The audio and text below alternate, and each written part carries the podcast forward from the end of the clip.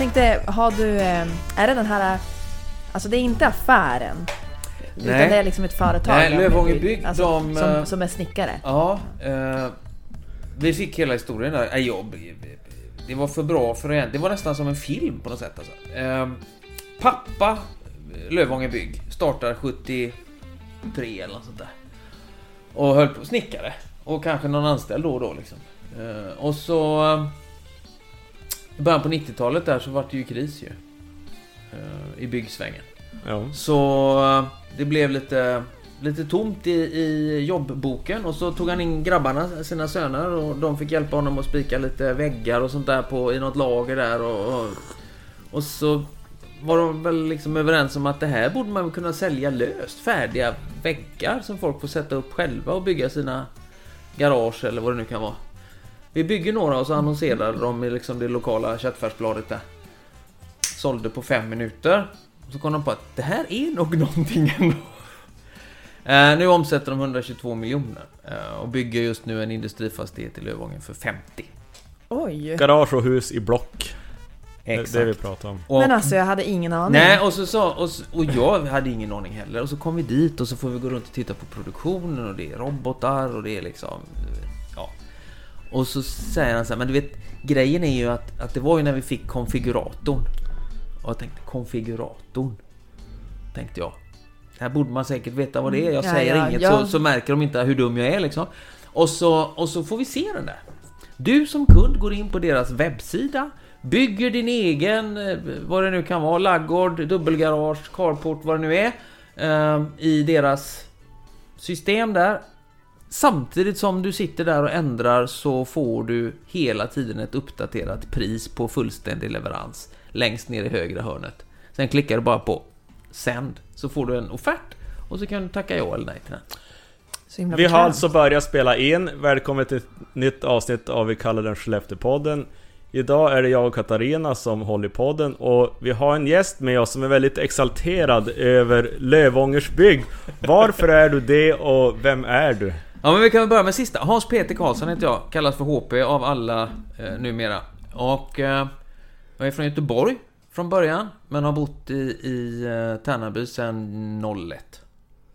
Och, och varit, eh, varit aktiv i turistnäringen. Vi har haft, haft hotellet i Tärnaby i många, många år. Vi ska gå in på det närmare snart. Men du, har, du är alltså liberal, Ja, du är riksdagskandidat ja. och du var i Lövånger för att vi har alliansbussen där. Ja men precis så var det faktiskt. Eh, Och det jag- var där du fick eh, träffa, eller se det här företaget. Ja, ja visst. Vi var där på, på ett studiebesök igår. Och eh, som sagt, jag blev nästan chockad. Nej, det var fantastiskt. Och, och just den, den liksom eh, extrema övertygelse som den här, det är ju ett familjeägt företag, som de liksom uppvisar. Nu satsar de 50 millar på en ny industrifastighet för sin verksamhet i Lövånger. Folk har ju sagt till dem att ni är inte kloka i huvudet.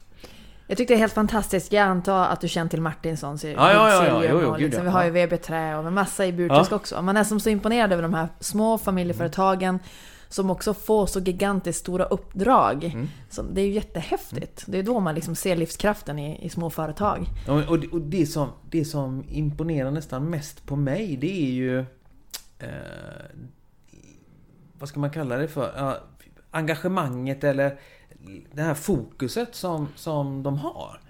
Där, Precis. de brukar ju säga det att det finns ingenting som heter tur, va? utan det handlar bara om riktad uppmärksamhet, eller hur? Man, går, Mm. Man bestämmer sig för att, att nu ska jag bygga om en massa bilar, till exempel, som du gör Peter. Och så, Ja. och då när man går omkring på stan eller, eller när man, ja men då ser man ju bilar eller hör folk som pratar om bi- eller hur? Det är det man gör. Och det är ju det som är tur. Eh, liksom, lite mer träning på just det man vill bli bra på eller, eller riktar uppmärksamhet. Och de här, alltså jag var så sjukt imponerad av Nej, deras men alltså sätt vi har ju några företag som verkligen har, är utvecklande. Ja. Det här, det du nämner nu, vad heter Lövånger med Ja. den här blockmetoden. Sen har vi ju Ska vi prata om Martinssons, då är det det här korslimmat trä och limträbalkar och hur man liksom använder den här tekniken för att bygga nya byggnader och hur det har blivit en stor grej. Men alltså, jag vet inte, De har ju byggt med den här metoden i några år men alltså Det var ju inte så vanligt om vi backar något decennium. Nej. Här i trakten har vi gruvnäringen. Vi Mm. har ju företagare som liksom har drivit i, driv de här och äg. Jag tänker på Jan Marklund och Högkammen som har de här eh, företagen. Och idag har ni byggt en racingbana i Fällfors som drar Mm. hela Sverige hit. Det är evene- stora evenemang och kupper. Ja, men, och jag måste bara säga att jag menar inte, jag tänkte min, min kommentar kanske blev lite tokig. Jag menar ju inte att livskraften är just när de, när de liksom lyckas få stora leveranser. De här drar ju vårt samhälle framåt hela tiden, även om de inte får jättestora leveranser. Men det är som så häftigt att se att du kan komma från var som helst och vara hur liten som helst och ändå lyckas med hur mycket som helst. Ja men det, det... Faktiskt så får man väl ändå säga att eh, det är också ett bevis på ja, digitaliseringens Mm. betydelse.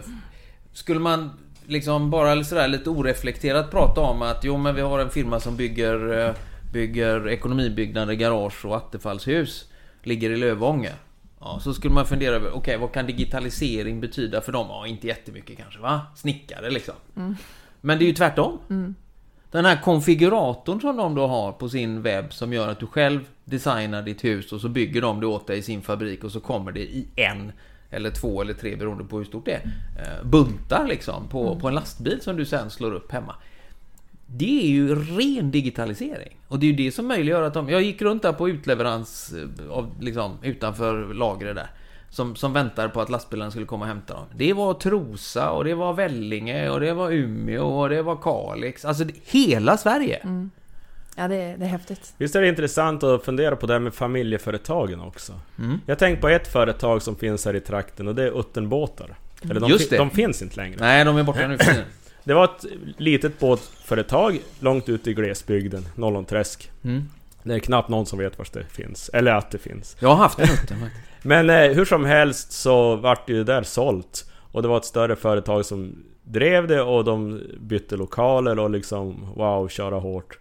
Nej, vad hände? Ja, det där går ju sämre och sämre och försvinner i princip. Jag vet inte om märket finns. Ja, varumärket är ju någon som äger, men jag tror inte det finns någonting på marknaden just nu fall. Nej, men vad hände i Nollongträsk då? Ja, men Ja, där de... knogar de ju på Ja. och bygger upp ett nytt framgångsrikt företag igen. Ja. Nu heter det Sandströmbåtar. Ja, Nu är det det, tänkte nu är det Sandströmbåtar Sandström. alla vill, vill Det ha. är lite annan Ingen inriktning i och för sig, men, men, Ja, men det annan klart. typ av båtar. Men de är ju... Sandströmbåtarna är ju liksom... Det är ju ett begrepp. Jag bor i Tärnaby. Folk som fiskar och håller på uppe på sjöarna där, de vet att när man ska... Ja, jag köper en Sandström så vet jag att det blir bra liksom. Så ja, är det det. är ju det är häftigt. Jag måste säga att min, min eh, bonuspappa eh, kom från Svartå som är grannbyn till Norrlångträsk. Ja. Och när jag var och promenerade runt där första gången bara för några år sedan, då tänkte jag, men vad, vad är det här för någonting? Och då har jag ju en partikollega, Maria Sandström, som då har Ja. varit tillsammans med Inge Sandström. Och eh, jag var ju tvungen att fråga henne, vad är det för, vad är det för byggnader? Det står massa stora byggnader där. Jag hade ingen aning. Och jag tänkte att för mig, som kom från Burträsk, andra sidan om Ja. älvarna, då är det ju som sådär helt otroligt att man kan hitta något sånt där mitt ute i ingenstans. Jo, jo, visst är det sant. Det är alltså, det är jättemärkligt. Och jag menar, det räcker ju att titta på, på det som har blivit kanske eh, det som, som, som händer just nu i norra Sverige med alla investeringar som görs i grön ny teknik. Liksom. Men titta på, titta på Skellefteå, titta på Kulturhuset, träbyggnad. Titta på Jörnträ, titta på Kontraktor, Lövånger Bygg som jag var och tittade på igår. Eh, det är... Det är liksom inte bara Northvolt om man säger så va? Utan det är mycket Nej. annat också. Och det är också en del i omställningen och en del i det, i det nya så att säga. Det är väldigt mycket mindre betong och armering och väldigt mycket mer trä och, och, och småskalighet liksom. Jag, ber, jag berättade i podden förr, jag tänkte på en grej. Vad, he- ja, vi var i Fällfors och det är ju den här Jan Marklund som har byggt upp eh, racingbanan och äger liksom högkammen med alla de här företagen i gruvan. Och vi var ställde ut... vi hade en monter för Kristdemokraterna. Men då kom det alltså en gubbe och plockade upp soporna och slängde upp det på en eh, traktorskopa. Det var, det var regnigt så han kom i här regnponcho. Och det är ju Jan Marklund då. Som kom där och... Han är verkligen... Och gör alla jobb som behövs. Jo, men Fattas det en sopgubbe då är det han som gör det. Ja men är det inte lite så... ehm, alla stora entreprenörer som har blivit personligheter som man har hört talas om och som är kända. Alltså, Allt från Ingvar Kamprad till Bert Karlsson till liksom, ni vet. Alldeles oavsett vad man tycker om dem så är det inte det nå- något de har gemensamt? Att ser de något som behöver göras så ser de till att göra det. Ja. Papp, pappa Lövånger Bygg, han var ju där igår förstås då och tyckte det var jätteroligt att få besök och alltihopa så här. Och så, och så låg det Det låg lite små kapbitar inne i, i produktionen där som var, ja men det var ju spill då. Ja men Självklart går han och plockar ihop dem där och lägger dem liksom i, det som de sen flisar och eldar gissar jag, eller för det var en sån här, det stod liksom bränsle. Det gjorde ju han! Han äger skiten! Ja men det där tänker jag också i, i Burträsk så ser man ju mycket, eller båda då kring Bygdsiljum, där är ju Martinssons familjerna, Ja. jag höll på att säga, de utgör ju nästan hela Bygdsiljum om man tittar på släktskap och sådär. Nej men de, har ju, de är ju involverade i allting. De är ju involverade i att skolan ska vara kvar, Mm. Ja. ja. Bygdsiljumsbacken, Ja. alltså allt möjligt. Och sen även i Burträsk, de jag sitter med i Burträskbygdens utveckling, det är ju egenföretagarna. Ja. Alltså det är ju de som, eh, som är drivna och liksom tycker att det är viktigt med allt i samhället, att, sam att samhällsservicen finns. Hur och du det- Petter, du har ju byggt det här, här Ja, i eller hur? Gränsmark. ja. Va? Ja. Häftigt. Va? Förlåt Hoppe, vad sa du? Nej men jag tänkte på eh, kaféet där i Bygdsiljan, vad hette det? Westmans. Finns det kvar? Det finns kvar och det har väl bytt ägare några gånger per år, så att jag, inte per år men alltså några gånger nu under åren. Och jag vet inte vem som äger det nu. Nej, faktiskt. för jag, vi var förbi... Mina ungar höll på med, med alpint och, och då var man ju i Bygdsiljan ganska regelbundet. Och så något, någon gång när vi kom dit så skulle vi fika då förstås. För det gjorde vi alltid. Och så var det stängt va.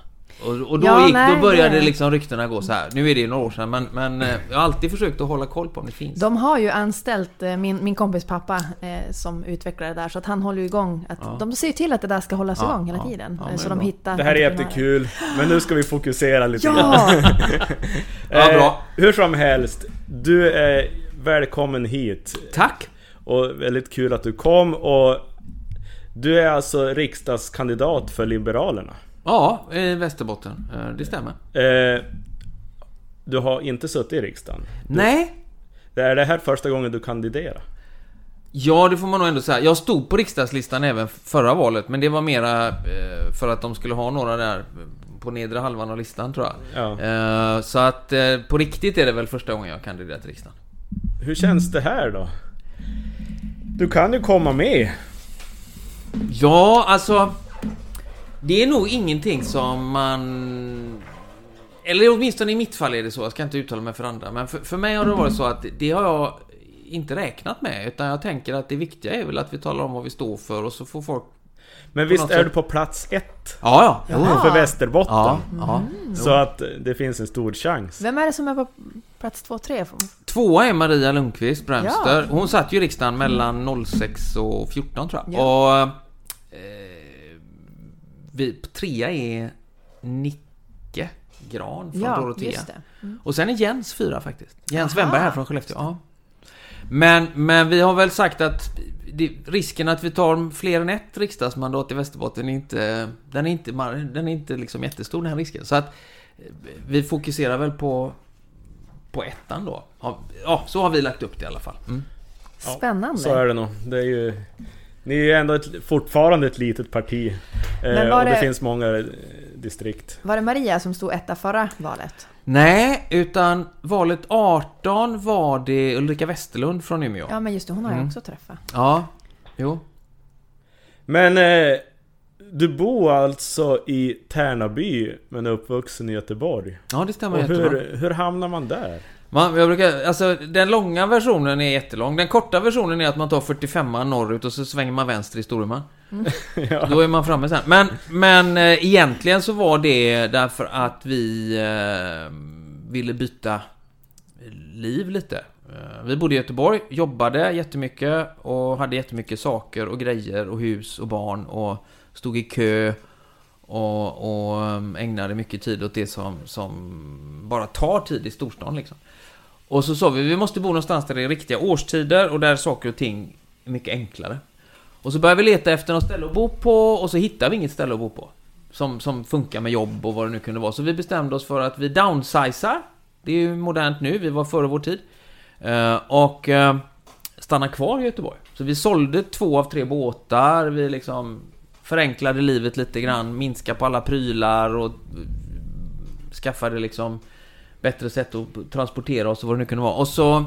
eh, Och när det hade hänt, då fick min sambo ett jobberbjudande eftersom vi hade haft krokar ute så att säga. Då dök det upp ett jobberbjudande för henne eh, som chef för Hemavans högfjällshotell. Jaha. Som hon tackade nej till tre gånger innan de lyckades övertala henne. och då sa vi det att, okej, fine. Vi stannar tre år. Ehm, och det var 01. Alltså det här låter som ett underlag för en TV-serie om hur Ja. göteborgarna kom till... Jag vet inte om ni har sett den TV-serien som handlar om, eh, jag tror att den hette, hette den inte eh, första och andra säsongen eller något sånt där? Om en familj från stan som tar över ett fjällhotell i, eh, inspelad uppe i Björkliden. Nej. Gick på SVT, tror jag. Jag tror faktiskt det var den jag hade i bakhuvudet, Ja. för jag har en barndomskamrat som är med i den. Ja, och, och ja. Den har ingenting med oss att göra, men en av de som inblandade den produktionen, han jobbade hos oss på hotellet i Tärnaby i många år. Ja.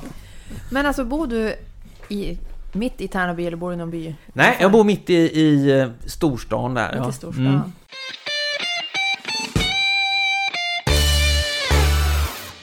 Men ni flyttade dit och så sen då... Vad vart det så att du startade eget eller hade du företag? Nej, jag, var, jag jobbade som PR-konsult i Göteborg. Eh, och eh, 2001 så, vi var ju väldigt moderna tyckte vi såklart. Va? Så att vi sa så här att det är inga problem, jag jobbar på distans, det finns ju internet. Ja. Internet 2001, det var 56k modem som man stoppade i telefonuttaget. Och eh, det betydde i praktiken att skulle man använda det där fick man göra det på natten när det var lite telefontrafik. Exakt, jag tänkte säga det. Alltså, det så. Helt! Alltså hur vi ens kunde tänka tanken. Men det, det kändes ju modernt och pikt va. Men det, det höll ju bara någon eh, månad. Liksom. Det gick ju inte att, att hantera. Så att, så att eh, jag lämpade över mina mina kunder och klienter på, på kollegorna där på byrån i Göteborg och så sa vi hej då och så... eh, eh ja, jag jobbade med skiduthyrning och jag jobbade med lite olika saker. Och sen så hade jag... Så drog, arrenderade jag faktiskt ett hotell i eh, första vintern. Eh, efter att det där hade gått igång. Eh, med flytten Vart var det? Tärnaby också. Eh, det som då hette Fjällvindens hus och som nu heter Tärnaby Sporthotell. Så det körde jag en vinter. Oj, jag trodde bara det fanns ett hotell. Jag Nej, men sen, jag- sen tog vi över Tärnaby fjällhotell 2004. Eh, och drev det till 2020. Men det måste varit av en omställning för en göteborgare att komma dit och lära känna folk och... Ja, Ja, jobba där och Ja, men- bo där på vintern. jo men absolut. Alltså, ett av målen med det, det var ju att åka mycket skidor och, och vara ute mycket. Och i början så, så eh, var det också mycket fokus på det för mig i alla fall. Men, men eh, jag är lite sådär så jag har lite svårt att göra någonting halvdant. eh, Eller vid sidan om eller så. Så, så jag engagerar mig nog ganska mycket i olika saker. Barnen höll på med skidåkning, då blev jag engagerad i skidåkning. Så jag blev liksom engagerad i skidklubben och så Mm. blir man, ja, sådär. Så att det, det är... Alltså, jag har inte funderat över om det var svårt eller annorlunda. Jag bara konstaterar att det blev så. Jag fnissar lite grann för jag tyckte också är så intressant det här med vi pratar om engagemanget, att det är så lätt, de, nästan alla gäster vi har haft här som är politiker, det är ju så här att engagera, men då engageras, engageras man sig i allt som går. Alltså på, på, på helhjärtat. Ja, men det är nog tyvärr eh, lite typiskt, tror jag. Så det är så svårt att dra sig ur vissa Mm. saker. Eller hur? Ja. Men då gav du, när gav du dig in i politiken egentligen? Det gjorde jag nog någonstans 16-17 eh, Faktiskt. Och då... Frågan, många frågar ju liksom varför engagerar du dig politiskt? Och jag, det är lättare att svara på varför man inte var engagerad innan. Jag var ganska säker på, eller jag är, och det är jag fortfarande, att det är svårt i en sån litet, eller i ett sånt litet samhälle som ja, men Tärnaby och den lilla kommun som vi ändå bor i, som är, som är Stormans kommun då. Eh, att vara aktiv eh, och, och hyggligt stor ändå arbetsgivare i bygden och företagare och sådär. Och politiskt engagerad i någon större omfattning. Av massor av olika skäl. Ehm, Allt ifrån att dina åsikter gör att du tappar en del kunder till att det blir jävsituationer och, och, och sådär. Och, så det hade gjort att jag höll mig undan innan. Eh, Och sen att jag valde att inte hålla mig undan längre. eh, Då handlar väl om att jag ville hinna göra något mer innan det var dags att pensionera. Alltså jag vet inte.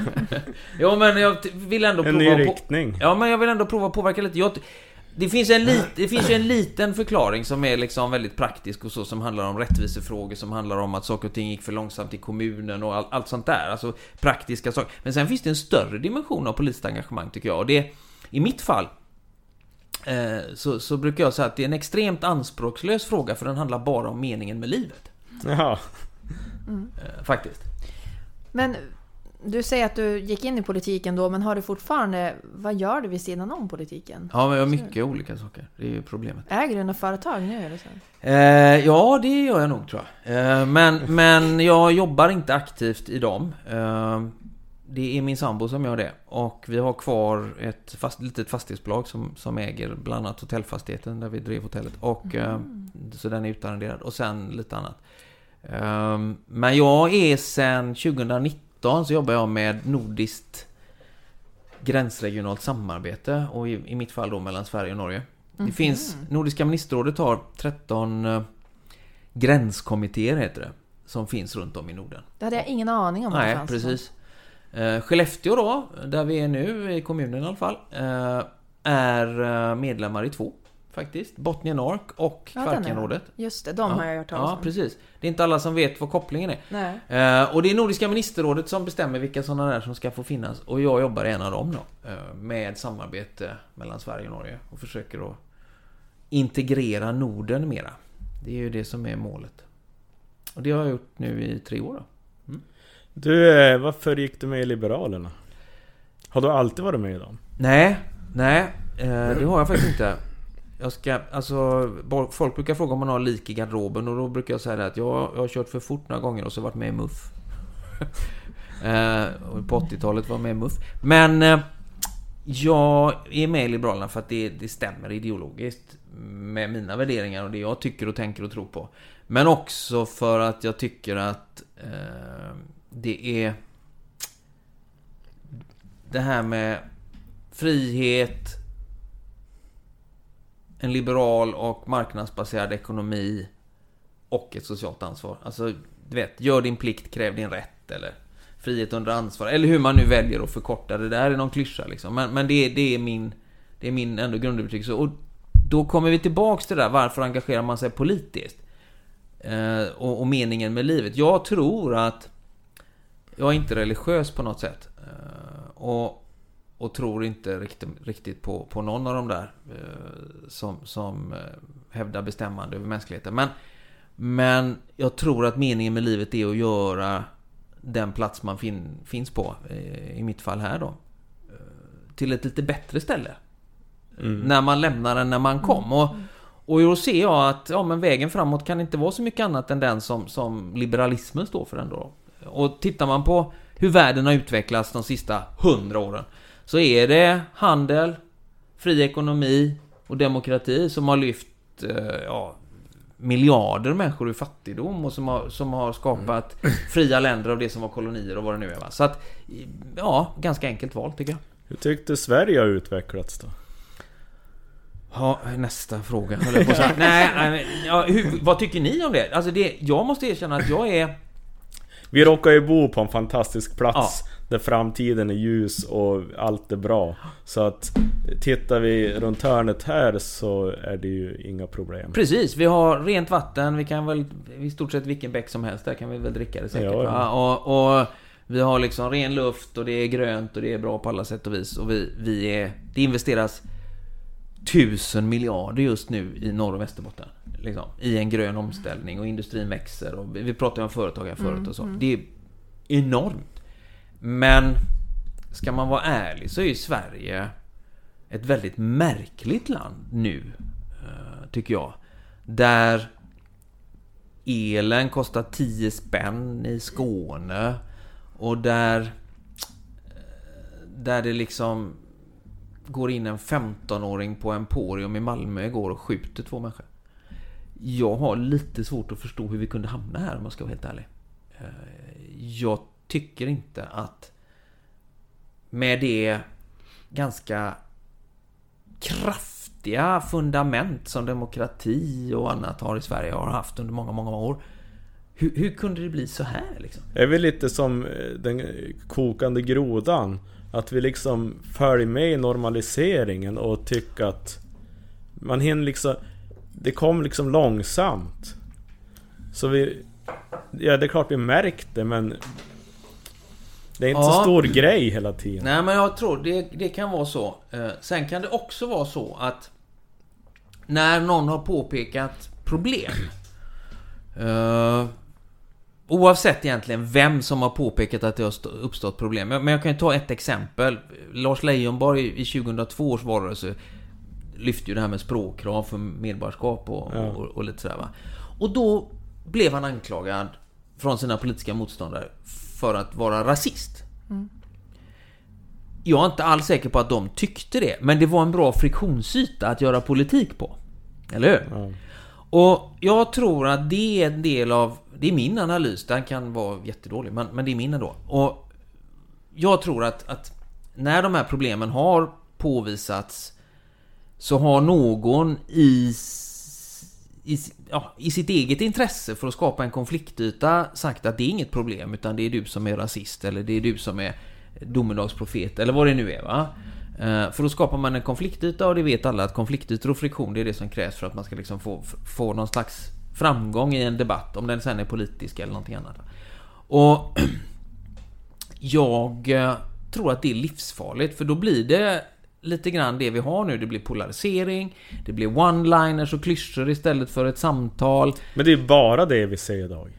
Ja, Alltså det politiska samtalet idag, det är ju katastrof. ja förutom det vi har här nu då. Ja, det är också därför vi startar den här. Ja, För att ja. vi måste ju ha bra samtal någonstans. Ja, men jag, ja det, är, det, är min, det är min absolut starkaste liksom bild av hur, hur det fungerar. Jag tittar på TV4 i morse och Marcus Oskarsson står och recenserar valaffischer. Och de som har liksom mest polariserande one-liners, det är de han gillar bäst. Och jag vart Men han har, han har ju då tappat förtroendet för Ja, ja. Han, Ja. Hade, han tyckte jag var skitbra i början men nu är han en clickbike-sökare. Han, Mm. Jag håller med dig, men han påverkar många. Och, och han har mycket tid i TV liksom. Och jag tänker bara så här, jaha, vart leder det oss då? Ja men alltså det är ju det jag har tänkt jättemycket, både förra valet men, men ännu mer det här valet. Hur otroligt medialt styrda vi är här i Sverige. Alltså jag får jättemycket frågor, jag får sms, jag får messengermeddelanden och Katarina kan du, kan du förklara vad står Centern för och vad, hur, hur resonerar ni och hur ska jag tänka nu inför valet och sådär.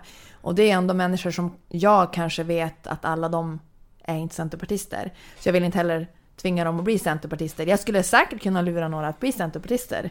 Absolut, men jag tycker inte det känns bra för demokratin.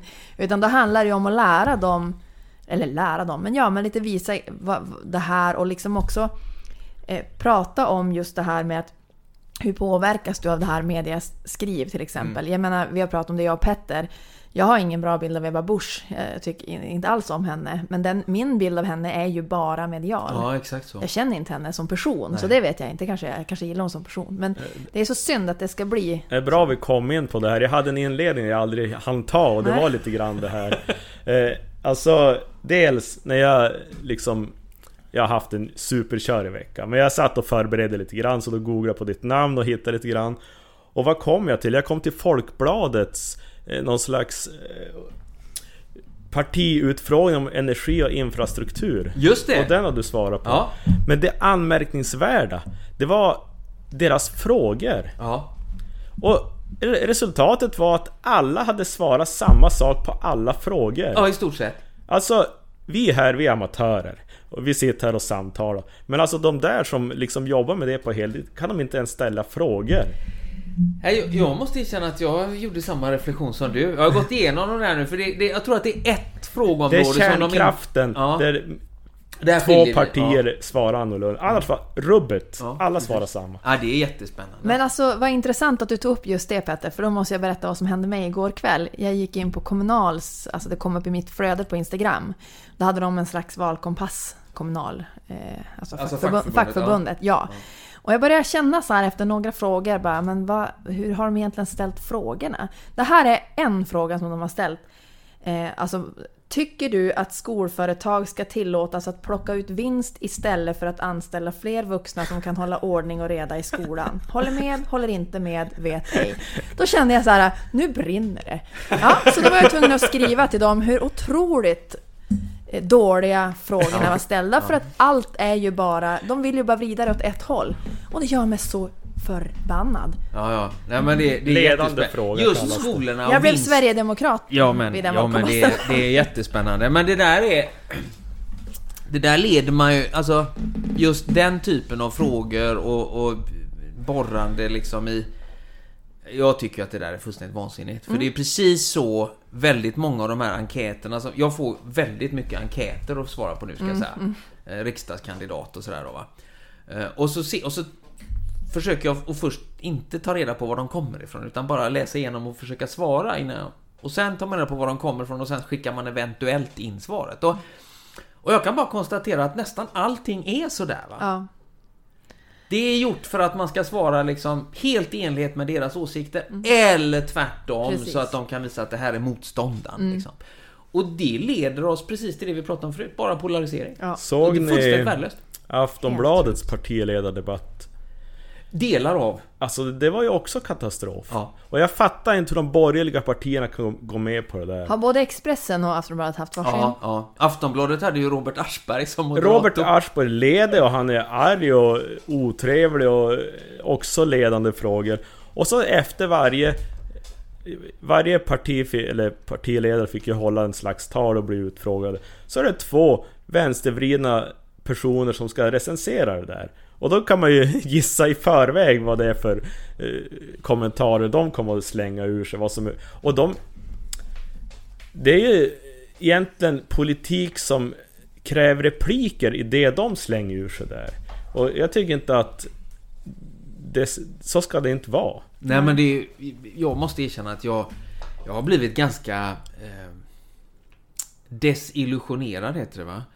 Eh, kring formaten som, som media använder nu för sina debatter och utfrågningar och så vidare. Alltså de som har varit på SVT och TV4 hittills är väl ingenting annat än kalkonföreställningar. Ja, det är ju också bara käbbel då. Ja men det, Den det, här idén med att de ska ha ett visst antal sekunder och det... Alltså det blir så...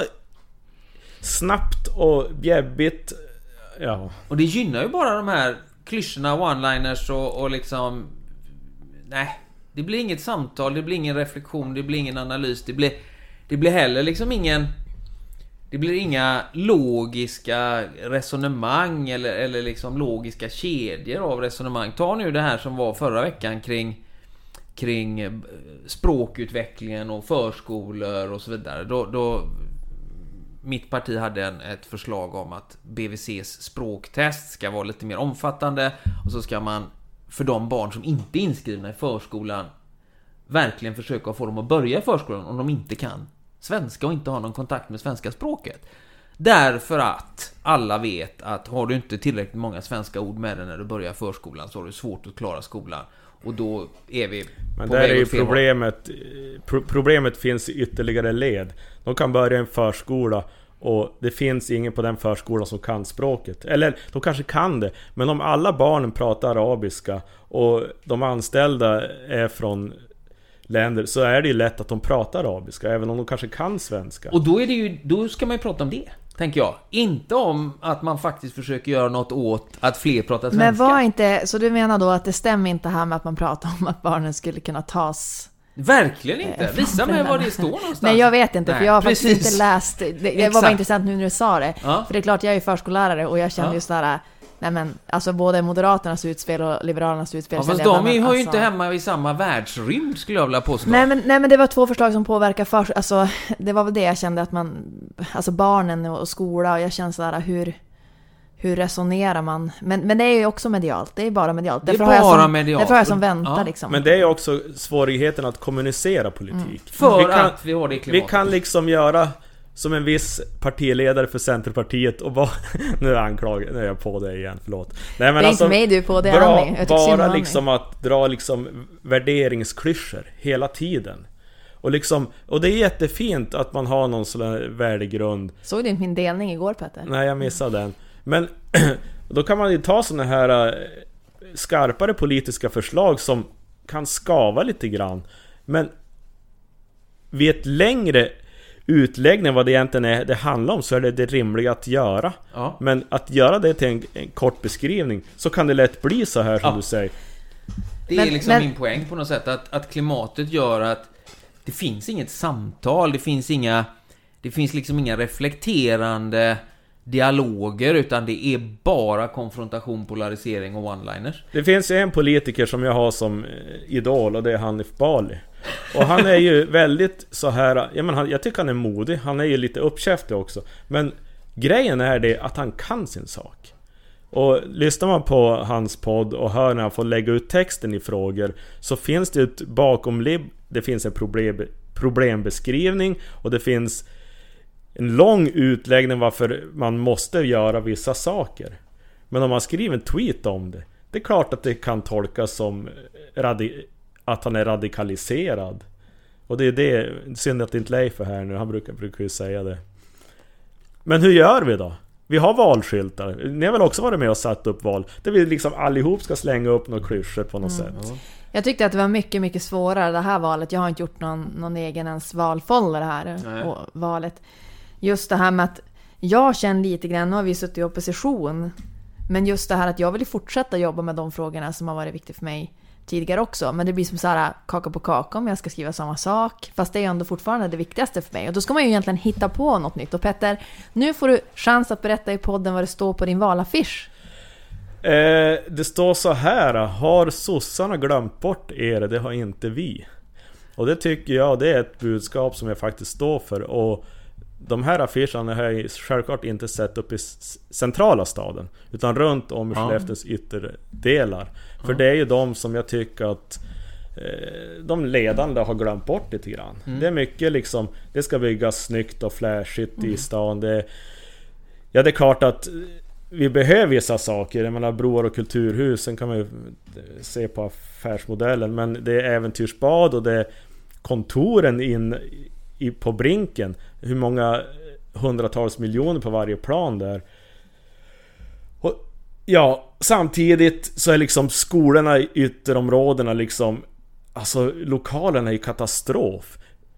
Det är sådana detaljer, väggarna är inte målade. Pingisborden, det är som en, en hög med bråte, det ser ut som om det varit med ett världskrig. Det finns Alltså- ju skolor i stan som ser ut sådär också. Men inte de nybyggda såklart. Men Ja, men alltså intrycket där... Det, det är ju som att här och satsar vi inget. Nej. Och jag ställde frågan i liksom hur man prioriterar inom supporterlokaler. Och de säger att man prioriterar ytan. Mm, Alltså yt, skalet på byggnaden ska inte läcka in vatten. Nej. Det är prio ett. Ja, HP. nej, men, och det kan jag förstå. Och det kan man ta lite billigt också. Det är Ja, men det- ja. ytan man... vad står det på dina valaffischer? Det står faktiskt ingenting mer än att man ska kryssa med. Ja, Sen är det, det en QR-kod och så får man ett överflöd av information om man klickar på den. Men det var ju smart. Det har jag faktiskt inte ens tänkt Katarina, det är, det är svårt det här därför att ni har lite mera text på era affischer. Ni, ni har lite... Det har jag inte nej men jag har tänkt på. ställt upp mina bredvid era, så jag ser Ja. det. Ni har lite mer resonemang, lite fler rader. Men vad händer? Vi, våra är lite mer klyschiga och större text. Man ser våra bättre än era. Vi får väl se. Det, finns de som hävdar att det inte spelar någon roll om man har affischer eller inte. Jag, jag ska vara helt krass och säga så här. Jag tycker att valaffischer är passé. Jag tycker inte man ska ha valaffischer. Sen tycker jag att det var roligt med det. Eller roligt. Jag tyckte det var, det var Jag klyschigt. satte igen. upp i Burträsk. Ja, har du det? Men att ja. du inte bad mig hjälpa dig. Herregud. Men det var kul att du fick en Ja, utflykt. du vet det var som körigt så jag bara for och körde runt en natt Ja, ja, ja, jo, men det är bra. Men, men någon måste ju våga sluta med dem då. Ja, men då var det ju så att var det inte så att Liberalerna körde utan valskyltar förra valet? jag. Jo, Men ni började om igen? därför att vi... vi Nja, börja om och börja om. Det är väl så att det har varit lite olika på olika ställen, tänker jag. Mm. Men, men... Eh, eh, om vi tar... Om vi kan ta Umeå som exempel, för det är ändå, ändå eh, mycket regionpolitik och riks och alltihopa där och, och kommunalval då. Så, så var det ju så här att man har bestämt att man ska då dra ner på det där och, och kanske också ta bort det. Men då är det ju några som ändå Ja, och... mm. Ja, då är det svårt att låta bli liksom. Alltså det blir... Alla är väldigt rädda för att missa något. liksom. Jo men det är klart att vi känner så i Burträsk Ja. också. Att ja men hallå, Burträsk Centerpartiets grupp här, eller Centerns styrelse. Ja. Ska vi inte sätta upp Fast de andra partierna har, nej men det är klart vi ska sätta upp, vi måste ju visa Helena i. Burträsk. Ja, lite så. Där har vi tryckt på Helena och Carina man skulle ju kunna tänka sig att man sätter upp en där det står att vi har inga valaffischer. Ja, ja. Alltså, av de här skälen. Mm. Eh, Ja. Men du, är det så att regionpolitiken hamnar lite i skymundan? Alltså jag, jag tycks med se ett litet systemfel här. Ja. För vi har ju lokalavdelningar som egentligen baseras på kommungruppen. Mm. Och så har vi då, vi har en här val... Valledare och allt sånt där och så planerar vi affischer och, Mm. och så sen då kom det liksom bara Ja nu har vi skickat affischer från region ja. Men... Och man sätter ju upp lite sånt Mm. men regiongruppen är ju som... Det hamnar lite utanför Men vet ni, det Tycker där ni det? är men det så i era partier? Det gäller ju alla olika frågor tror jag. Så är ju regionfrågorna... De kommer ju... Jag ska inte säga att de kommer i kläm, men de liksom är vid sidan. Eh, över 60% av svenska folket vet inte vad valet till regionfullmäktige betyder. Det visar den här undersökningen från, från uh, valforskarna här i Göteborg. Va? Och jag tror att det är en förändring delvis sen det här, sen det bytte namn från landsting till regioner. Jag, jag tror att man visste mer vad landstingen gjorde, ärligt Absolut. talat. Och att det var landstingsfullmäktige man röstar till och alltihopa det där va. Regioner liksom, vad är, ja. Eh, Men bara det faktum att få vet vad de vad de politiker man röstar på jobbar med där, det är ju en sak. Det andra är ju att de statliga partistöden till länen så att säga, alltså ute i landet, inte det som går via riksdagen utan, utan eh, ute i landet, det baseras på hur många mandat respektive parti har i regionfullmäktige i det länet. Så det blir lite märkligt va? Eh, Att å ena sidan är det ett ganska undanskymt val. Precis som du sa Petter? Ja Och sen så är det dessutom så att folk vet inte vad det handlar om. Och så är det ändå det som styr hur mycket ekonomi man får till sina lokala partiorganisationer och sådär från staten då. Eh, Och jag kan bara konstatera att, att eh, vi har väl i vårt parti någon slags idé om att regionen ska finnas kvar och så ska man förstatliga den högspecialiserade vården. Nej, ni, ni ska ansluta till våran snart Och jag är Ja. bara emot. Ja, alltså, jo jag vet ju. Där, vi, har, representerar ju tre olika Ja, ståndpunkter vi som sitter här faktiskt. Även om jag faktiskt- personligen lutar lite mer åt Petters håll i det här fallet. Det vi faktiskt säger Det Vi säger att vi ska förstatliga men hur vi uttrycker oss är att vi ska påbörja arbetet med att förstatliga. För det är ingenting man gör i en handvändning. Jag vet, Utan det är ett långsiktigt arbete med ett, Jag tyckte ny- det är intressant det här att ja, men, om man tänker både regionmässigt och även då förstatligande av skolan som Liberalerna är f- helt för. Eh, Kristdemokraternas förstatligande av skola, det är inte, ni inte för va? Ni vill inte förstatliga Nej, skolan? vi kanske är sena på Och bollen jag tänker att det är väl lite grann det här, och ni är ju som då harvest harvest när det gäller vården då, som jag förstår det. Eh, det, är väl, det är väl där någonstans jag känner att, att vi liksom håller en linje att vi inte vill förstatliga någonting. Men det handlar ju inte heller om att vi vill ha eh, att, att staten någonstans ska tappa tappa det helt. Alltså vi behöver ju pengar. Men just det här styrandet tror jag, jag tror verkligen att, att det inte kommer bli bra i Lycksele eller i Tärnaby om vi förstatligar vården till exempel. För jag tror inte att de kommer ha möjlighet att se hela landet. Det är det jag är rädd Du för. tror att det faller bort? Ja, Men alltså- det beror ju på hur man arrangerar Ja det är det och det är egentligen från båda håll. Det är ju både hur vi tycker att regionerna ska vara kvar allting. Är du den där tror. typen som säger eh, alltid emot och säger det är förändringar, det kommer bli Nej, dåligt nej nu. absolut inte. Men däremot så känner jag att jag, där är jag ju, där är jag rädd. Om vi, har pratat värdering här tidigare. Jag är rädd för att man kommer att tappa liksom fokus och, och tänka bara stort, bara centralisering. Alla ska till Stockholm och opereras eller Göteborg. Ja, och där är vi ju till viss del. Alltså visionen vi har, det är att det inte ska spela någon roll vars i Nej, landet du nej jag bor. förstår det. Men Det är, ju, det är väl en, alltså det är väl egentligen det vi tycker alla vi som sitter här Ja, va? Men sen har vi lite. Ja, olika ja. svar på Mm. hur det ska gå till. Jag, jag kan konstatera två saker. Det ena är att Tärnaby, eller för den delen Dorotea eller Sorsele, kommer ju inte att spela någon roll Eh, om det är en region eller om det är en jätteregion eller om det är staten som styr. Av det enkla skälet att det är så extremt perifert redan idag i regionsammanhangen. Va? Vad sa du, det är så Det är extremt? extremt perifert redan idag. Det är liksom eh, satt på undantag i många sammanhang. Så att vi har ingen, vi har ingen tandläkare, de har ingen tandläkare i Sorsele liksom, i folktandvården. Ja. Det är ju regionalt. Absolut. Och jag Så- skulle vilja ha ännu närmare styrning. Liksom. Ja Det men grejen är den att vi får så himla många nivåer och, Ja, och det, det är också sant. jag kan väl konstatera att, att jag har svårt att se eh, jag lyssnar lite grann på, på KDs resonemang, eller på Ebbas resonemang eh, i, i radiointervjun som var i P1 på morgonen här för bara några dagar sedan. Eh, om, om primärvården då som skulle på ett eller annat sätt vara kvar i någon slags nära organisation och så förstatligar man liksom sjukhusvården och, och, och allt det där. Och, och det som, det som driver mig att tycka att skolan måste få en annan huvudman än kommunerna, det är ju att likvärdigheten är så jäkla viktig.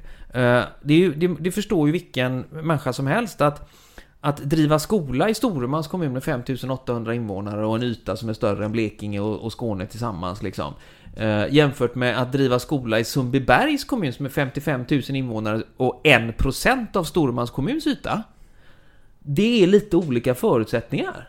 Det, det kan vem som helst förstå. Vi betalar jättemycket i kommunalskatt, vi har mycket sämre service. Eh, de barnen som bor i, ja men, Storsand. Eh, de har ju samma rätt att få en bra utbildning som de som bor i Sundbyberg. Mm. Men det är inte möjligt med en kommunal, ett kommunalt huvudmannaskap därför att det blir så extremt mycket dyrare per invånare för de små kommunerna. Det är helt omöjligt. Det Så- finns ju så många steg i skolpolitiken. Där måste jag faktiskt säga att vi har en... eh, Hon kanske vi skulle prova att bjuda hit. Madeleine Jakobsson som är kommunalråd i Nordmalings kommun. Hon jobbar ju rent nationellt med skolfrågor gällande det här med stora och små skolor till exempel. Att det ska finnas förutsättningar att driva, bedriva skolverksamhet överallt. Och hon sitter ju i en grupp eh, som, som har liksom konstaterat, eller de har inte konstaterat men det, det finns ju forskning på det, att, att man, man pratar egentligen bara om skolor som är 500 elever och, och st- större än det. Det är egentligen de som förutsättningarna finns för idag. Annars är det väldigt svårt. Och, och det är väl en syn som Centerpartiet har, att så ska det inte vara. Och, och därför försöker man driva att, att det ska bli en förändring i det här. Och då tänker jag att då spelar det inte heller någon roll om det är kommunalt eller om det är statligt bedriven skola. Därför att om det blir statligt bedriven skola så kommer de inte heller att ha fokus på, alltså det beror ju på vad de har för regler satta kring hur, hur, hur det ska styras. Jag tror inte, alltså om de, om de har, då vill inte de ha små skolor. Det är det jag är rädd för också. De kommer inte kunna bedriva små skolor även om det är statligt. Fast, fast De om får det inte bor lärare barn i Sverige som, som är i skolåldern så har de ju rätt att gå i skolan. Så det är klart Jo, att de men jag kommer att tänker att skolor. Vem ska bestämma då om det ska finnas en skola i både Drängsmark, Kusmark, Ersmark? Alltså var går gränsen för det statliga styrandet av skolan? Det har inte jag riktigt förstått. Förut hade man ju skola i var och varannat hus. Mm. Vilket har sina för och nackdelar också. Nu är man ju så extremt inne på att det är så, det är så betydande för små barn att skapa så många sociala kontakter när de är ett år och uppåt. Så det är så otroligt viktigt att de går i stora enheter och där är ju jag helt emot. Ja, fast... fast eh, Och det är jag rädd att det kommer bli så. Ja, men det har, inte jag, det har jag faktiskt inte uppfattat att man säger. Däremot så är ju... Däremot så är det ju så, så att... Jag är ganska övertygad om att för små grupper är också vansinnigt farligt. Va? Mm, Eh, och det har med sociala relationer att göra också. Du är, du är så att säga utsatt för du har, inget, du har inget val. Du kan inte välja ditt umgänge så att säga. Och är du då utsatt eh, socialt i en liten grupp och inte kan vända dig till någon annan, för det finns inga andra att vända sig till. Då, då blir det problematiskt. Så små skolor med 5-6 elever, det är nog sannolikt inte särskilt bra för barnen då va? Visar väl en del forskning sådär. Men, men det, som, det som gör att, att det här är, Eh, är så viktigt, det är också en kompetensfråga tänker jag. Jag har väldigt svårt att se hur vår fritid, kultur och utbildningsnämnd i Stormans kommun eh, med 5800 invånare skall kunna fatta riktigt, riktigt bra skolbeslut utifrån vår budget och vårt skatteunderlag. Eh, men jag håller, jämfört jag håller med- helt med Alltså ett det blir problem. väldigt märkligt va? Men om du tänkt den statliga då, då måste jag ändå få fråga. Tänk du då att det ändå, var ska gränsen gå för, för vart skolorna ska finnas? Har man haft sådana diskussioner kring? Ja men alltså din partikollega Annika Andersson, la ju ner skolan i Malgovik. Ja, precis. Det var ju efter, efter ett annat styre. Så ja, jag skyller på det. ja, men, jo, men, jo, men Jag absolut. vet ju deras intentioner innan, alltså det Ja, var inte alls så att nej. göra det. Och det visar ju hur svårt det är. det, var- det, det är ingen kritik eller det var inget Mm, Nej, påhopp nej, så, men jag, jag förstår. men, och vi har haft den diskussionen liksom. Eh, vi samarbetar med Vilhelmina Mm, kommun från Storumans sida nu med gymnasiet bland annat. Just för att skapa möjligheter till likvärdighet. Men den, det, det är återigen alltså, det är snart sagt omöjligt för små kommuner att finansiera en likvärdighet eh, när det ser ut som det gör geografiskt och demografiskt. Eh, och, och, då, då tänker jag så här, ja antingen så accepterar vi att det är så och så får det ha betydelse vilket postnummer man har då för vilken utbildning man ska få. Eller också så accepterar vi inte att det är så. Men för att spetsa till den här frågan bara lite innan vi går vidare Petter, för jag ser att du är sugen på att gå vidare.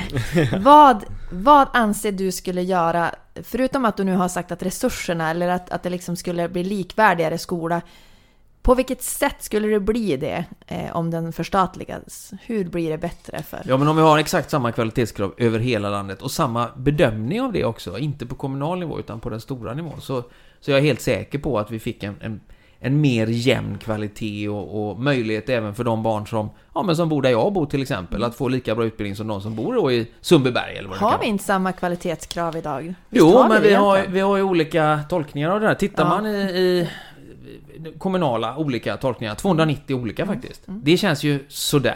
Men jag tänkte, det är ju ändå Skolinspektionen som kontrollerar skolorna, fast de gör det ju kanske inte på rätt sätt. Nej, den de förändringen har, kommer ja, inte att ske. men, men då är frågan om inte det blir ganska mycket enklare också om man har ett, ett statligt huvudmannaskap. Eller rättare sagt, det, det vet vi ju att det Ja, blir. det är spännande. Det här kommer vara så Ja. spännande. att se Alltså egentligen behöver vi inte stressa vidare för att det här är ju den största... Det är alltså skolfrågan och Liberalerna, det är ju den... Det, det är Jo. det här ni vill prata om. Alltså Ja, en, av, en av de stora frågorna. Men tack Petter! Så att vi, jag tycker att... Eh, kör på. du, nej, men du, alltså, du blir inte uttråkad nu med andra ord alltså. nej men alltså, det är klart du ska få prata om skolfrågor. Ja, jo, Finns det fler förslag?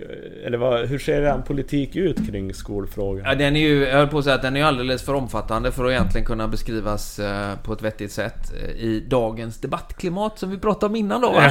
Men, men, eh, nej, men det handlar ju om resursförstärkningar. Jag vet inte om ni minns budgeten i höstas där va, med 16 miljarder mer än, än, än regeringen och, och allt det där. Men, men också om förstatligandet för likvärdighetens skull och och sen är det det där med språkfokus och, och det vi diskuterade tidigare om, om Det blir en del av och så. integrationsfrågan Ja men det också. gör ju det också va? Men- för men- alla ska kunna få gå i en bra skola. För, för det är ju så här.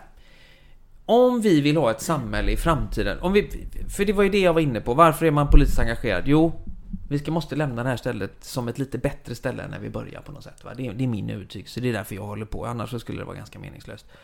Och då behöver vi hitta de där nycklarna till att färre ska bli kriminella i de här områdena där vi har ett stort problem med gängkriminalitet. Där 15-åringen igår i Malmö visade sig, han var ju alltså hired gun för ett gäng eh, och sköt ihjäl då motståndaren i, inne på det där köpcentret. Va? Eh, hade han varit i skolan istället så hade det där inte hänt liksom. Eh, och ju fler som klarar skolan desto färre kommer ju att hamna där såklart. Jag tror att hoppet för framtiden fattas lite grann. För egentligen har vi ett skolsystem som tillåts att man går hela vägen upp i högskola och vi kan ta studielån. Alltså möjligheten finns här. Men de här ungdomarna som bor i de här dåliga områdena eh, På något sätt finns det inget hopp för en framtid på annat sätt än att bli kriminell. Det är den enkla vägen till någonting. Ja men det är, det är nog delvis rätt. Och så tänker jag också att det var, var ju varit uppe lite förslag om om åtgärder kring, ja men ser man att någon kör omkring och, och, och är registrerad ägare på en jättelyxig bil och inte har några inkomster så ska man kunna plocka den och sådär. Det har varit lite sådana förslag på tapeten nu och det är klart att att är man 14 år eller 15 och, och ser att någon har massor av pengar att röra sig med och de har aldrig gått skolan Eh, utan de säljer andra grejer på torget Så Så är det naturligtvis lätt att och, och, och om då skolan inte är så att säga ett, ett roligt ställe, ett bra ställe och ett ställe där man får den hjälp man behöver eller den utmaning man behöver så kommer ju det andra alternativet såklart att vara ganska lockande. Ja, vad finns det för incitament? Ja, det är ju att bli rik fort och bli liksom flashig och cool. Och, och vad är då riskerna man tar? Ja men de är, ju, de är ju ganska uppenbara, det dör ju folk varenda dag. Jo, jo, jo, men det är lite för avlägset. Men det finns liksom väldigt få, eller för små konsekvenser. Eh, För, särskilt för de som inte är straff, straffberättigade. Ja, Nu ja. fiskar jag lite grann efter det här förslaget Sverigedemokraterna har lagt ut om att man ska straffa yngre. Alltså ända ner i mellanstadiet, och det kan Ja. vara liksom att man ska få städa en toalett. Jo, vad var det de sa? Förned... sk- Skambeläggande arbetsuppgifter, vad var det de kallade det för? Ja, jag minns inte vilka Ja. ord, men alltså det var liksom att man skulle på något sätt skapa konsekvenser för de som gör brott. Alltså jag, jag kan konstatera att när jag gick i, i, eh, jag tror det var sjunde eller åttonde klass, så, så var det ett gäng i skolan där som eh, Som var lite småstökiga och någon av dem hade då grisat ner eh, toaletterna i, i uppehållsrummet i skolan. Rejält. Och det fick han ju fixa själv. Eh, under övervakning av studierektorn tror jag det var. Eh, så det är ju i och för sig inget nytt va? Skamvrån, känt begrepp. Ja, men lite så var det ju då. Jag, kan, inte- jag vet inte om jag tycker det var bra eller dåligt. Jag har svårt att relatera till det nu, för det är så länge sedan. Men, men jag kan bara konstatera att Men att det det är ingen inte... slump att det var en 15-åring i Malmö igår, tänker jag. Va? För det vet Nej. de som skickade in honom, att han får ett mycket mildare, lägre och mer hanterbart straff än om chefen själv, som då kanske är i 30-årsåldern, hade pipit in där och, och, och skjutit sin konkurrent. Va? Ja. Jag måste tillbaka till eh, förskolans språk. Mm? Det här med att få en liksom eh, bra, bra väg genom livet. Mm? Jag tror att den största kritiken mot de här förslagen som kom nu, det här med att ADH ADHD-testa alla barn, den har jag inte läst in mig på så den ska jag inte diskutera. Men Nej, men den kändes med- bara så att den känns som att vi inte ska diskutera Nej, överhuvudtaget nej, av alltså, massor av skäl faktiskt. Om man tänkte det här med att, att gynna språket innan de börjar skolan, det är ju jätte, jättebra. Men alltså rent krasst idag och så många år, jag har varit inom förskola och skola i 15 år nu, och jag ser ju en förändring bara på de 15 åren och de som jobbar längre ser en stor förändring.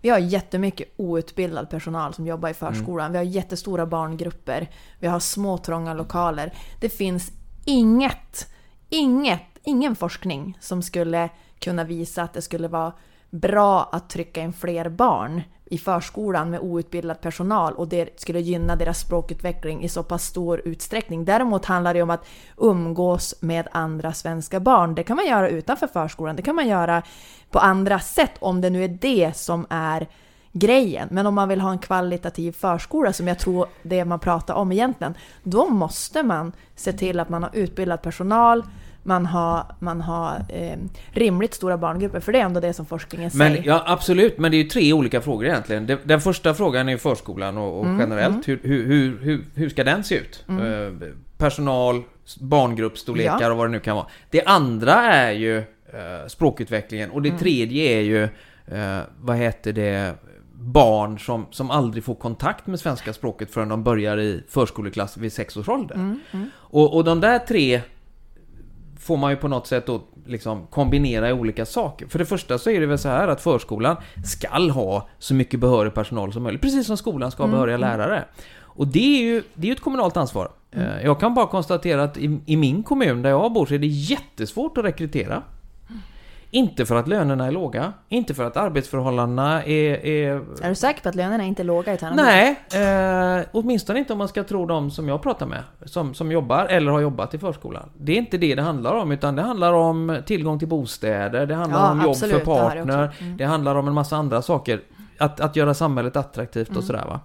Ehm, det är det ena. Det, och, och det måste vi tänka på. Nu Mm. bygger vi, så vitt jag förstår, eh, om eh, förskolan i Tärnaby just.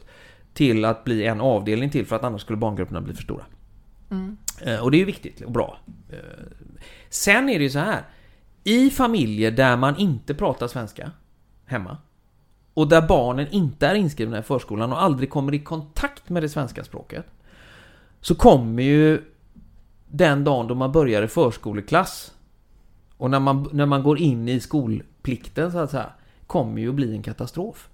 Vi vet ju redan från början att om det finns någon form av på förhand utdömt utanförskap så är det ju de som ligger sämst till. Absolut. Det måste vi bara undvika och då är förskola det absolut bästa verktyget. Men det betyder ju inte att man ska trycka in fler och större, fler barn i stora barngrupper eller ha outbildad personal eller som du sa tidigare Peter, ha folk som inte pratar svenska och att barn inte pratar svenska. För Nej, då är, det det ju, då är kan- hela syftet förfelat såklart. Det här kan vi ju inte prata om, det är rasism. Ja, Nej, men det men- jag menar är det, den största kritiken är ju det att man, man hittar på massa nya förslag innan man tar, tar problemen på allvar som förskollärarna själva har lyft i så många år nu. Att se till att fixa förskolan innan ni tar in fler barn. Därför att det kommer inte alltså det kommer inte Det gynnar dem ju att vara bland människor, men det gynnar ju inte alla barn att det blir större grupper. Nej men det ska inte bli större grupper, alltså man måste kunna ha mer än en om- tanke i huvudet samtidigt. Ja, i- men- Till skillnad från, från det debattpolitiska politiska debattklimatet nu liksom. Men, men förskolan måste ju vara bra.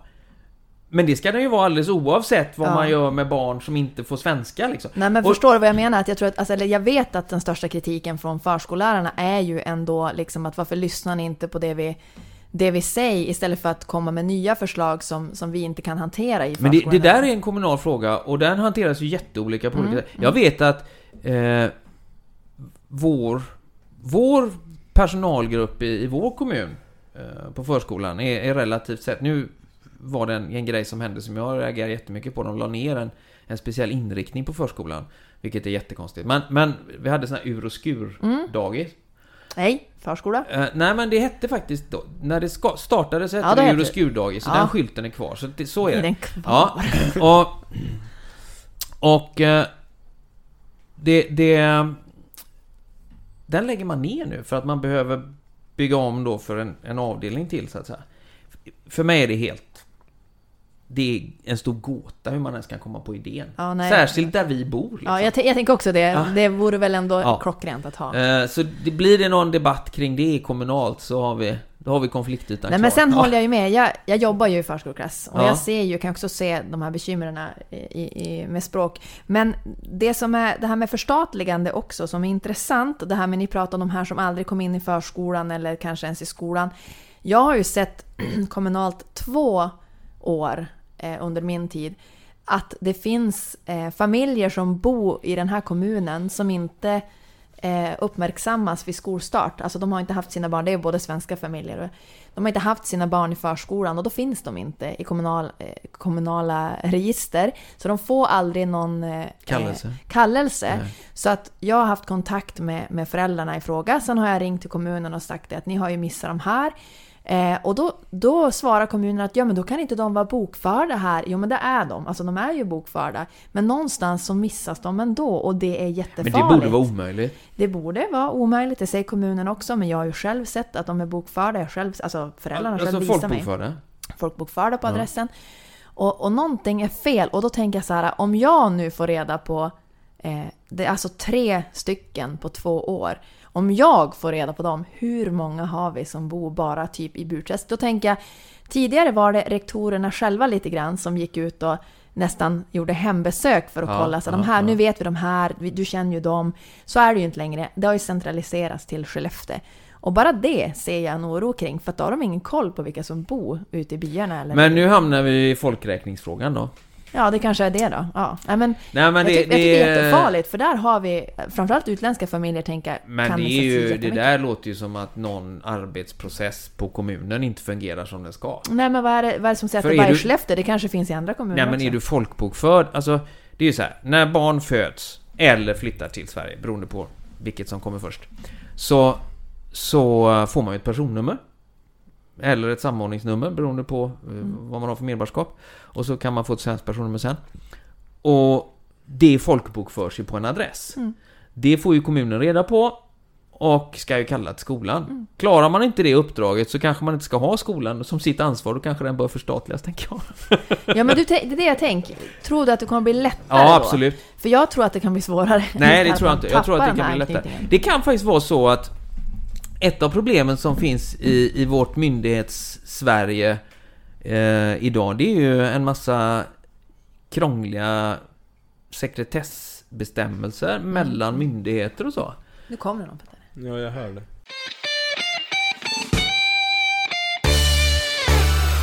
Vars var vi? Har vi... Nej men det här att, de, att, här? att, de, att kommunen missar barn i skolålder, alltså det verkar bara, det Och verkar bara vara dåligt så- jobb. Men förstatligandet så säger du att då kan det bli bättre för att... Ja, det är min gissning. Eh, Det borde vara så. Faktiskt. Eh, Men, men, men det som... Men och det beror väl på hur man organiserar det. Jo men jag tänker att om Skellefteå kommun inte vet vilka barn som ska börja i skolan, eh, liksom i respektive skola. Om, det är ju till och med så att vi har ju skolval i Sverige. Alla har ju rätt att välja skola. Jo men det är det, de, de kom ju aldrig till skolvalet när de inte får Nej. någon blankett om att de ska välja Nej men det är skola. det jag menar. Alltså, då har de ju inte ens fått den. Nej, nej, det är ju det. Det är ju det de inte fått. Ja. Och, och då har ju inte kommunen koll på vem som bor i kommunen. Nej, precis. Eh, Det känns ju som ett kommunalt problem. Ska vi hinna, fler, hinna lite fler Ja, ämnen kör. här? Jag vet inte riktigt. Ja, Det är ju egentligen ganska fritt för dig att välja. Vi har företagsamhet, vi har... Men det tycker jag, det, det började vi med. Det är ju lite intressant för ni, vi pratade Mm. Det var om... där vi började Ja, det här med drivkraften. Jag har ju någon sån här devis. Eh, det var någon som frågade mig någon gång liksom vad jag hade för syn på... Och då sa jag så, så, så här att liksom... Och det är väl kanske också den liberala ståndpunkten lite grann. Där ligger vi ju ganska nära Centern i vårt parti. Att välstånd måste skapas först innan man kan fördela det som välfärd. Liksom. Eh, och det är alltid den ordningen. Och det är företag och företagande och alla de som jobbar i de där företagen eh, och betalar in sin skatt eh, och sin moms när de går på Coop eller på ICA va. Eh, det är de som ser till så att vi har sjukvård, skola och vad det nu kan vara vi behöver som vi finansierar gemensamt. Och det där sambandet mellan framgångsrika, lönsamma, växande företag och en stark välfärd.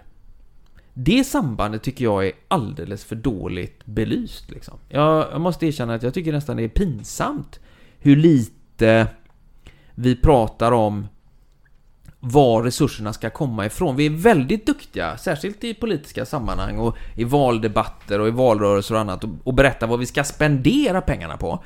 Vi ska, ja vi, det gäller mitt eget parti också, 16 miljarder mer än regeringen till skolan och så, och så nu är det, nu tog eh, Magda häromdagen, skulle hon ta 60 miljarder från, från Svenska kraftnät va, som, som ju i praktiken är skatt. Eh, och, och skjuts, skjuts, skjutsa ut till, till de som har höga elräkningar och, och så De vidare och så köpte. Och så vidare. röster för... Ja, ja hon skulle 30 köpa... miljarder Ja, exakt va. Eh, och, och jag kan bara...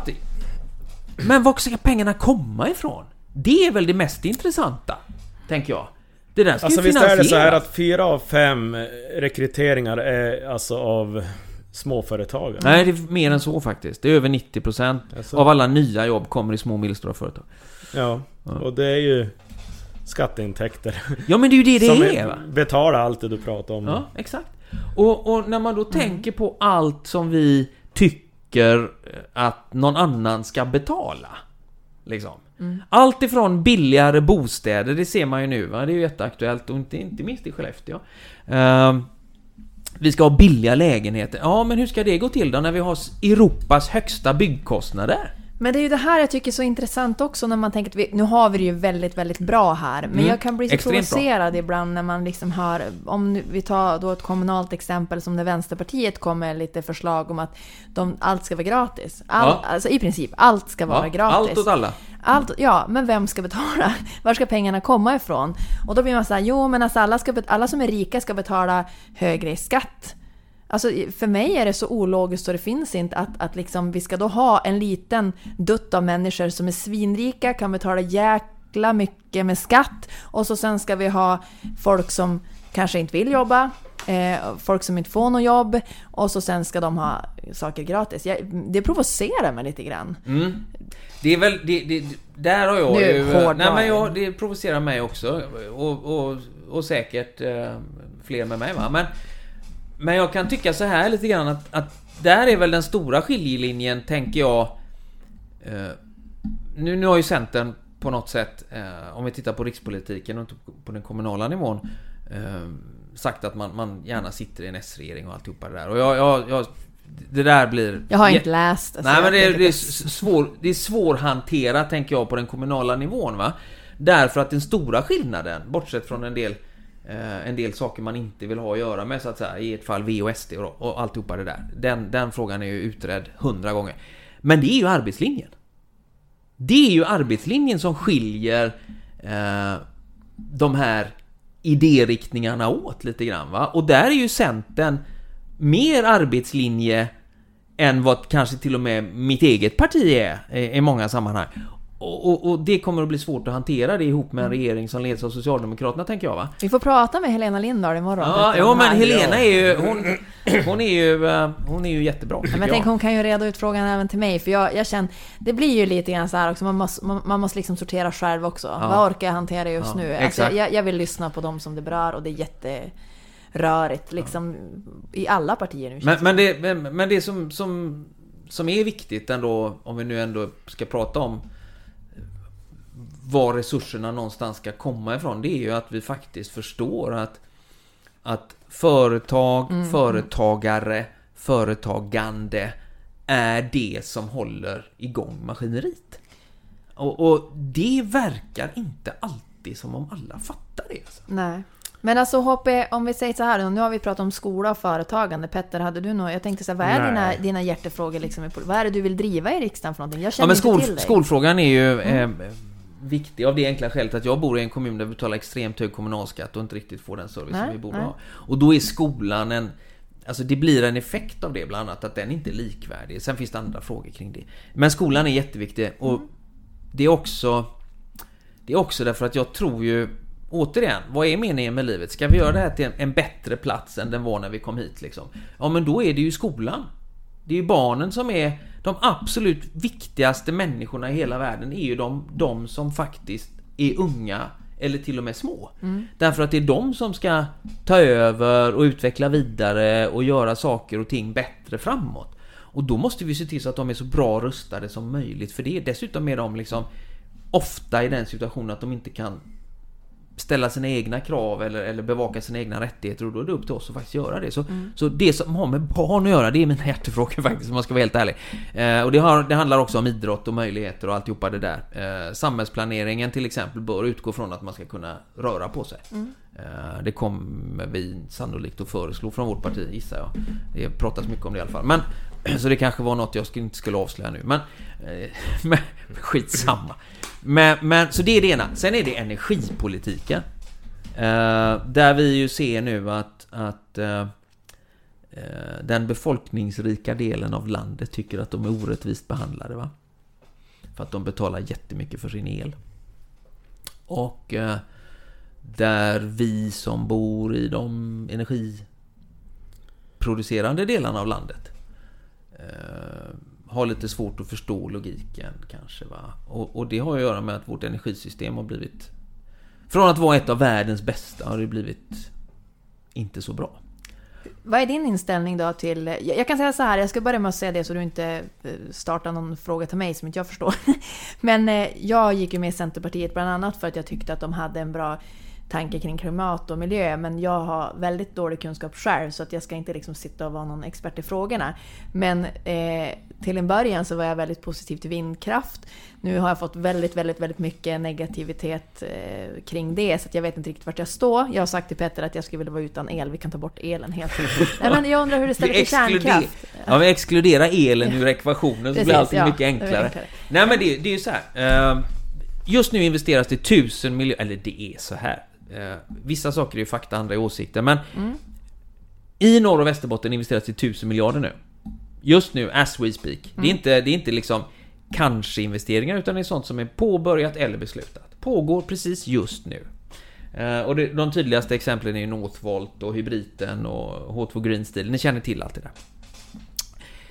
De investeringarna, de, den nyindustrialisering eller återindustrialisering eller vad man nu vill kalla det för som pågår har ju kommit till av, av framförallt två skäl. Va? Det ena är den gröna omställningen generellt och den andra är att ja, men vi hamnar här därför att här finns det ett stabilt nät som levererar grön el till vettiga priser när vi behöver den. Nu håller vi på att hamna i en situation där det inte längre är sant.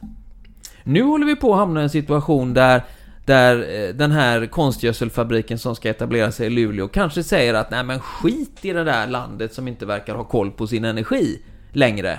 Eh, vi lägger den här i Angola, vi lägger, vi lägger solceller på taket och så sätter vi ett amerikanskt säkerhetsbolag runt om och bevakar så att det inte händer något, för det blir billigare liksom. Eh, så hade jag nog resonerat om jag satt i styrelsen för det bolaget. Hur har vi hamnat här då? Och det jag tänkt på det är ju de här nedlagda kärnkraftverken. Och hur ska man som väljare förstå egentligen vad som händer? När man hör ministrar stå och säga att eh, Kärnkraftverket lades ner på affärsmässiga skäl. Sen hör man Energimyndighet eller, eller de som driver det här som säger att kärnkraften lades ner på grund av politiska beslut. Ja, ja. Det är ju två saker som står mot varandra. Någon av dem eh, far ju illa med sanningen. Nej, faktiskt. Det behöver inte vara så. Det beror på vilken ordning de där besluten fattas lite. Eh, Jag tror nämligen att båda är sanna. Det fattades politiska beslut. Som eh, gjorde att det vart affärsmässigt. Exakt. Ja. Ja. Och det visste Miljöpartiet när de gick in i de där förhandlingarna. Ja, energiöverenskommelsen är ju så att säga grunden till detta. Liberalerna skrev aldrig under energiöverenskommelsen. Eh, Av, av det enkla skälet att vi visste att det skulle bli resultatet. Och, och, och ja, efterklokheten är ju stor i det här landet. Va? Vi har väl någon, någon sån här... Vi tycker att man ska rösta för ett mindre efterklokt land liksom. Eh, ja, one-liners igen då. Men, men när det gäller kärnkraften, ja men... Det började ju med Barsebäck liksom. Ett välplacerat, effektivt kärnkraftverk som ligger bra till där det behövs mycket energi. Det vill säga vi får lägre nätkostnader per kilowattimme så att när det ligger där, där förbrukningen sker va. Eh, och så blir danskarna förbannade över att det ligger så nära Danmark. Så Göran Persson lägger ner det där. Liksom. Det var ju ja, dryga 20 år sedan. Och, och sen då Oskarshamn och sen Ringhals. Eh, och det är ju en sak att produktionen från de enheterna inte längre är tillgängliga. Eh, och där finns det massor av, av eh, teorier kring vad det gör för elpriset just nu då. En del säger att det skulle inte spela någon roll för, för efterfrågan är så omättlig på kontinenten så att priserna hade ändå hamnat på den här nivån. Och då kan man ju å andra sidan Eh, om man är lite teknokrat så kan man sätta sig in i bestämmelserna så kan man konstatera att vi har garanterat i Europa att vi ska eh, kunna exportera 70% av det vi producerar och då i, i respektive elområde. Och då skulle man kunna säga att ja, men om de där 100% ökar så blir ju skillnaden mellan 100 och 70 större ändå. Så då skulle ju det bli ett nettotillskott på den svenska marknaden och priserna skulle gå ner. Så det är ju också sant. Men alldeles oavsett vad man tycker om det så är det också så att eh, det är inte bara produktionen och, och, och liksom mängden utan det är också näteffektiviteten. Därför att kärnkraftverkens bortfall gör också att överföringskapaciteten i näten i södra Sverige blir sämre. Jag har sett siffror från Svenska kraftnät på uppåt 20%. Jag vet inte om det är sant. Det kan vara mindre än så. Det finns olika uppfattningar om det här. Men, men det är också systemförstörande. Så det bara dånar om det. Nu säger nästan alla partier, inklusive mitt eget, att vi ska bygga mer överföring mellan norr och söder för att utjämna priserna. Och det kommer innebära två saker. Ett, vi kommer att få högre priser i norra Sverige. Två, vi kommer att få elbrist i norra Sverige eftersom den el som vi idag skickar söderut kommer att behövas till Northvolt, H2 Green Steel, hybriten och så vidare och så vidare. Så, så vi kommer... Så svaret på vad är vår lösning då på det? Ja, alla fossilfria energislag behövs. Vi behöver sol, vind och kärnkraft. Vattnet har vi redan byggt ut liksom. Vi ska inte ha, vi ska inte bygga ut några fler älvar. Men vi kommer att behöva alla. Och där, där, är, där är jag väldigt, väldigt frågande till hur man som, ja men Miljöpartiet som stod i, i Almedalen och sa att vi ska ha 150 terawattimmar ny havsbaserad vindkraftsel innan 2040. Det stod Per Bolund och sa det. Och det låter ju jättebra liksom. Är det någon som har funderat på hur många havsbaserade vindkraftverk det är? Visst var det något med tidsplanen som inte gick ihop också? Det är 25 000 vindkraftverk. Vet ni hur många vindkraftverk vi har i Sverige idag? Inte så mycket. Som står på land, ju- som är lätta att bygga. ju hela Nej. kusten, det är ju överallt. Vi har 5 000 Jag i tänkte hela säga. Vi Sverige. kan inte ha, vi har inte alls. Nej.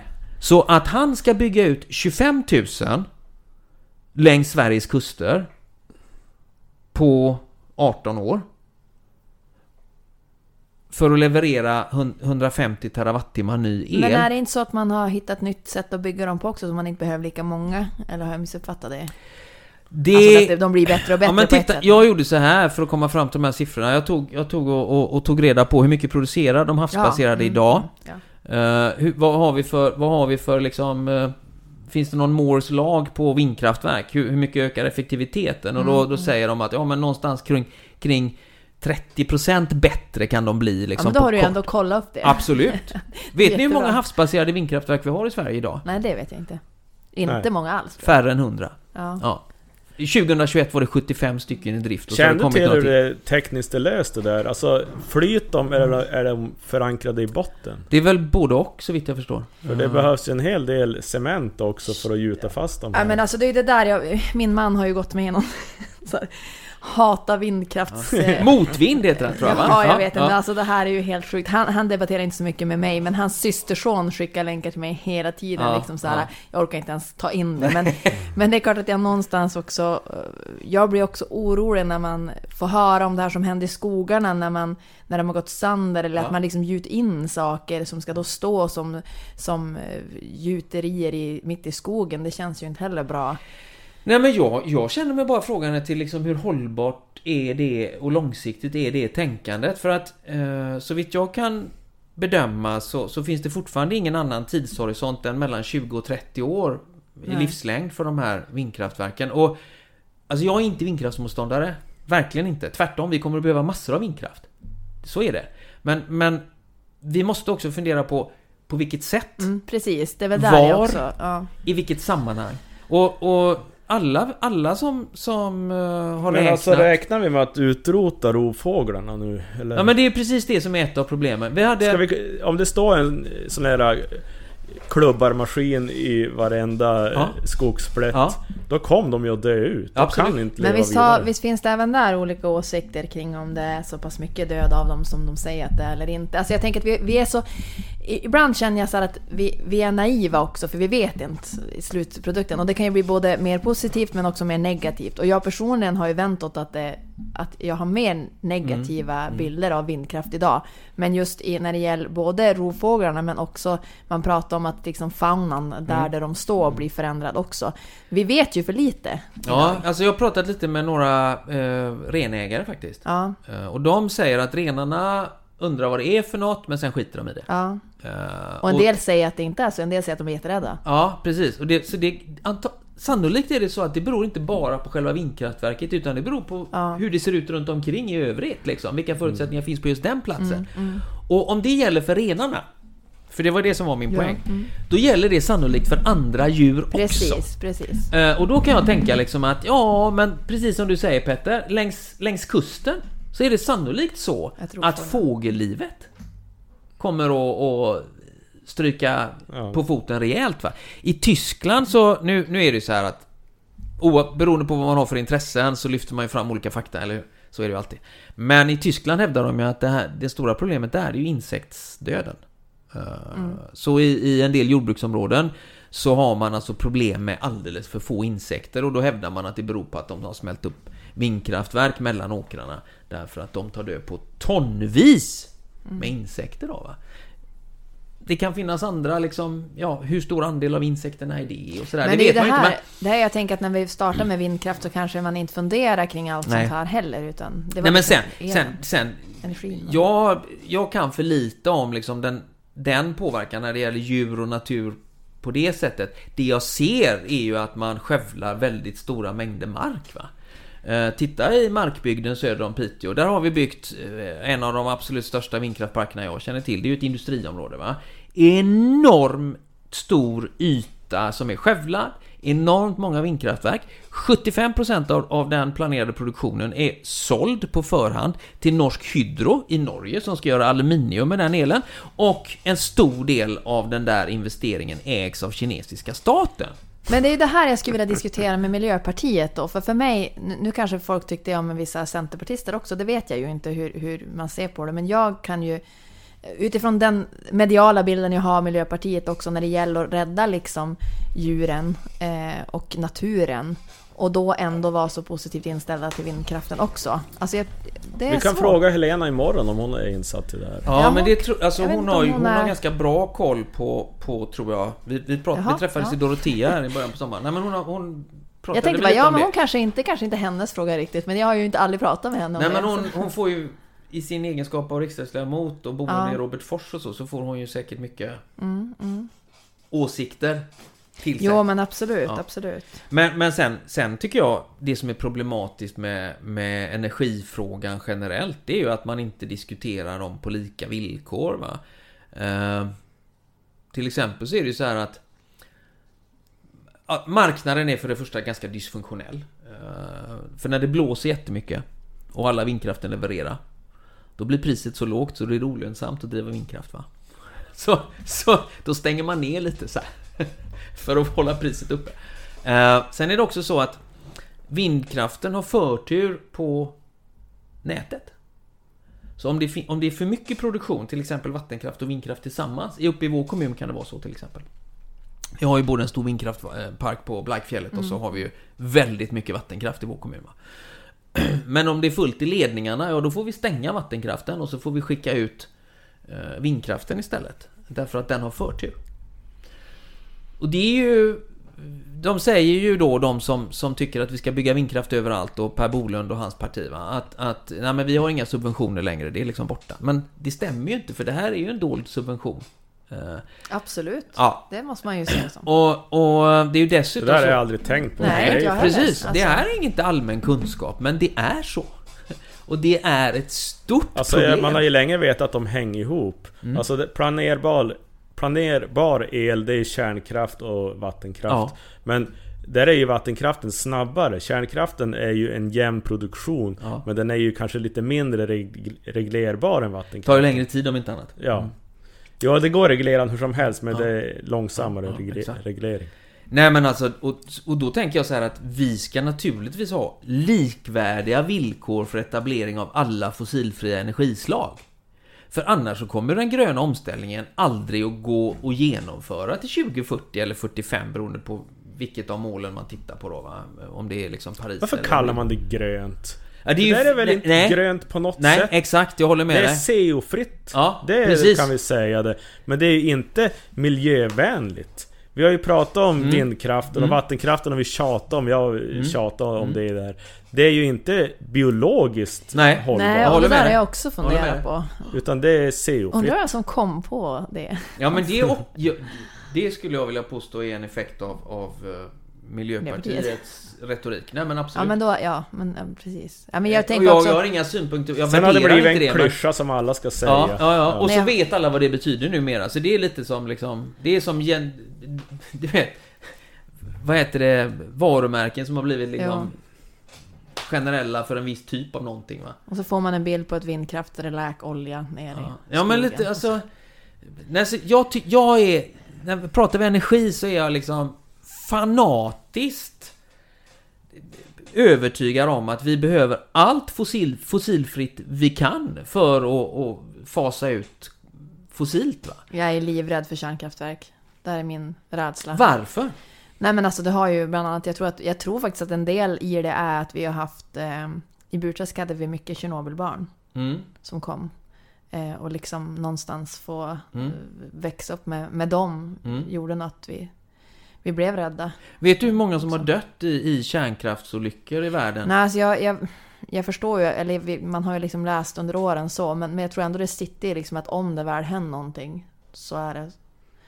Det är ju så här att enligt, enligt WHO då eh, så dör ju 23 000 människor om året i Europa av kolkraftverksutsläpp. Mm, 23 000 människor varje år i Europa dör av kolkraftverksutsläpp. Ta in det. 23 000. Ja, det, det, På tre år så är Skellefteå borta. Mm. Liksom. Eh, och av kärnkraft så har det väl strukit med ungefär 50 personer totalt. Någonsin i kärnkraftens historia. Så, så det är Men då världens... tänker jag skadorna också. Vattenkraften har ju dödat flest va? Absolut. Men det är ju Ja. såna enorma katastrofer. Den, det är väl framförallt den här stora dammen i Kina som, som drar iväg Då den försvann statistiken. både städer och byar. Jo. Alltså. Petter, nu får jag ju den här dödsångesten vi pratar med Ja. när vi pratar med Lisa Maria. Ja, just det. Alltså den här liksom känslan av att det är kört hur vi än gör. Ja, men jag får det när vi pratar om insekts... Ja, ja för de, om, om Då de försvinner, då har vi ingen mat sen. Nej. Nej, då är det Har ni kört. läst Fallvatten av Ja, ja! Du måste läsa den, Jo. eller lyssnare, Vad sa ni du, vem måste var läsa. det? Mik- Mikael Niemi? Mikael Niemi, jag har hört talas om den tror jag kanske. Jag känner igen namn. Alltså Ja, du- Mikael känner jag igen men jag tänkte fan, Det är vad- alltså stora Lulevattnet som Ja. Ja, brist. just det. Jag har inte läst den. Dammen går liksom. Underhållande Jag, bok. jag Ja. såg en film eh, som handlade om att det, det brast Ja. en, en damm och den fick mig också liksom att känna fullständigt panik. Sen har han ju världens bästa berättarröst också. Jag har ju hört hörboken. Ja men alltså han är ju fenomenal. Ja. Jag måste ju säga att jag har lite svårt att hänga med i allting. Alltså när jag såg, nu kommer jag inte ens ihåg vad den heter. Vad heter den? Den kända, alltså herregud. Den kända filmen, Mikael Niemis. Ja, Alltså, här- populärmusik från Ja. Vittula. Ja, mm. den ja. Du vet, det har ju typ tagit så här tre gånger för mig att se den innan jag liksom förstår en så här, För att det är så djupt, alltså det är så roligt på ett sätt och, och så djupt och ändå så jäkla bra. Ja. Men det är liksom för mig så, jag är lite för ytlig. Alltså jag rekommenderar ju hörböcker. Slå på Ja, jag- jag en sån, ju- ta en Ja. promenad. Ja. För då, den är bättre i bokform än i filmform. ja, men det tror jag faktiskt. Jag håller med dig att, att jag, filmen var lite, den blev lite Ja, anekdotisk. eller många. Är ju, eller alla kanske. Ja. Ja. Nej men, men, men som sagt, alltså... Jag, jag tycker nog ändå att eh, energi... Hela den här elkrisen eller energikrisen eller vad vi nu ska kalla det för, det har blivit lite för ytligt. Eller är väldigt mycket för ytligt faktiskt, tycker jag. Eh, och... och Populistiskt, är det det Ja, du säger? extremt. För nu är det så här. Nu, alla de åtgärder som, oavsett vilket parti du tittar på, inklusive mitt eget, så är det totalt dysfunktionella åtgärder man föreslår, som kommer att öka förbrukningen. Så alla vi som, som... eh, Ja, hur värmer du upp den här kåken? Eh, Luftvärmepump. Ja. Luft, vatten eller luft, luft? Luft, luft. Ja. Jag har ju bergvärme hemma då.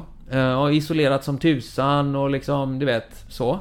Dragit ner, verkligen dragit ner på förbrukningen så mycket det bara går. Vi har 170 kvadrat uppvärmd yta och vi gör slut på, inklusive varmvatten och rubbet, 13 000 kilowattimmar om året. Ish, ibland 14. Om, det beror på hur mycket barnen är hemma. Eh, för de duschar så länge. Och... Ja. När de är hemma hos oss gör de det. Och bara bastu hela tiden. Och... Och... Vi har liksom verkligen vidtagit alla åtgärder. Så... De som inte har gjort det utan kör direktverkande el och tvåglasfönster utan isolerings... Såna här... Vad heter det? Tätningslister. Ja, de kommer få jättemycket bidrag oavsett vilket parti som får igenom sitt förslag liksom. Medan jag som gör slut på lite el kommer få väldigt lite bidrag. För att jag har investerat. Alltså, det är totalt dysfunktionellt. Sen är det naturligtvis så att det vore en ganska stor katastrof om folk får gå från hus och hem i ja, Skåne då, där det är dyrast just nu. Eh, Men även i prisområde 3 som är mellan Göteborg och Stockholm kan man säga i i höjdled. Ehm, det är naturligtvis ingen bra idé heller, för det kommer att få andra konsekvenser för finansie- finansiella marknaderna och, eh, fastighetsmarknaden och så vidare. Så, det är nog ingen bra idé heller. Men, men att liksom uppmuntra till elförbrukning känns bra. bara eh, märkligt faktiskt. Alltså jag har inte frågat i början som jag brukar fråga. Vad gör du, vad gör du här i Skellefteå kommun nu? Vad är ditt uppdrag? Du, du har varit här sedan igår. Nej men det var, eh, det var faktiskt så att jag ville ju följa med alliansbussen. Jaha, eh, så det var igår. därför ja. du... Eh, Så jag var, var med dem igår och vi kampanjade i Lövånger igår. Och idag, har du några andra uppdrag? Ja, jag ska väl till Boliden, lite beroende på vad klockan blir för sig, men Boliden, är det Bolidendagen idag? Ja, just ja. Det har jag sett på Facebook. Ja. Och har jag följt med våran Skellefteå kristdemokratgrupp har jag kunnat läsa det där. Ja, ja. Nej men vi hade en Då var det jätte... mycket annat också. Jo, men vi hade en jättetrevlig dag i Lövånger. Eh, fantastiskt bra. Och sen när jag kom till Skellefteå år så tänkte jag så här, nu ska, jag- nu ska jag ta en tur på byn då för att kolla lite på... Det är lätt att säga byn. Ja, men jag säger alltid det oavsett om jag är i Stockholm eller Paris Ja, liksom. Eh, eh, affischer och lite så va. Så Ja. jag, jag tog en tur liksom älvkant och älvkant så. Runt. Mm. Och eh, det var dels var det lite varmare och lite längre än jag hade tänkt mig så att det tog lite för lång tid. Men, men eh, eh, det är inte... Det är spridda skurar med affischer kan jag konstatera. Men de har Ja. åtminstone fått vara i fred om jag såg. Jo, det hade de i Burträsk Mm. också. Det som var intressant, eh, jag kan ha fel så jag får väl ta tillbaka det då. Jag tänkte kolla det innan om Fredrik Stenberg skulle komma hit. Jag blev som så fundersam, jag körde förbi Bastuträsk och, och tyckte mig se en skylt på Evelina Falesson och jag tror att det var Fredrik alltså, i Bastuträsk och det tillhör ju Norsjö kommun. Då tänkte jag, gör man så också att man sett ut... Visst sätter man ändå kommunvis? Det låter... Men är det... Eller är det ja, för att det- han är riksdags... det- Men Evelina, Evelina är ju inte Nej, riksdagskandidat. de har satt upp fel affischer. Man kan sätta upp... Ja, det Vi, vi så. pratade tidigare om min affisch. Ja. Och den ska ju sitta i ytterområdena. Det Ja. är liksom Ja. budskapet. Ja. Och så for jag runt och jag for bort över mot Burträsk och Vevomark och där. Mm. Och så... Men då satte jag upp en annan affisch där och så säger jag, jag tog en väg rätt ut och hittade som en fin korsning och satte upp min egen där. Mm. Och så for jag då inåt mot Burträsk och så ser jag ju skylten. Då var du i Robertsfors. Eller? Ja! Jag var i fel kommun! Ja. Ja, ja, jag kan inte göra det så jag var tvungen att fara och vända. Ja. Och så var det som lite så här, lite stress och vi stod bara och rycka i pinnen och tänkte. Då stannade ju en bil. Ja. Vad håller du på med? Då trodde han att du förstörde.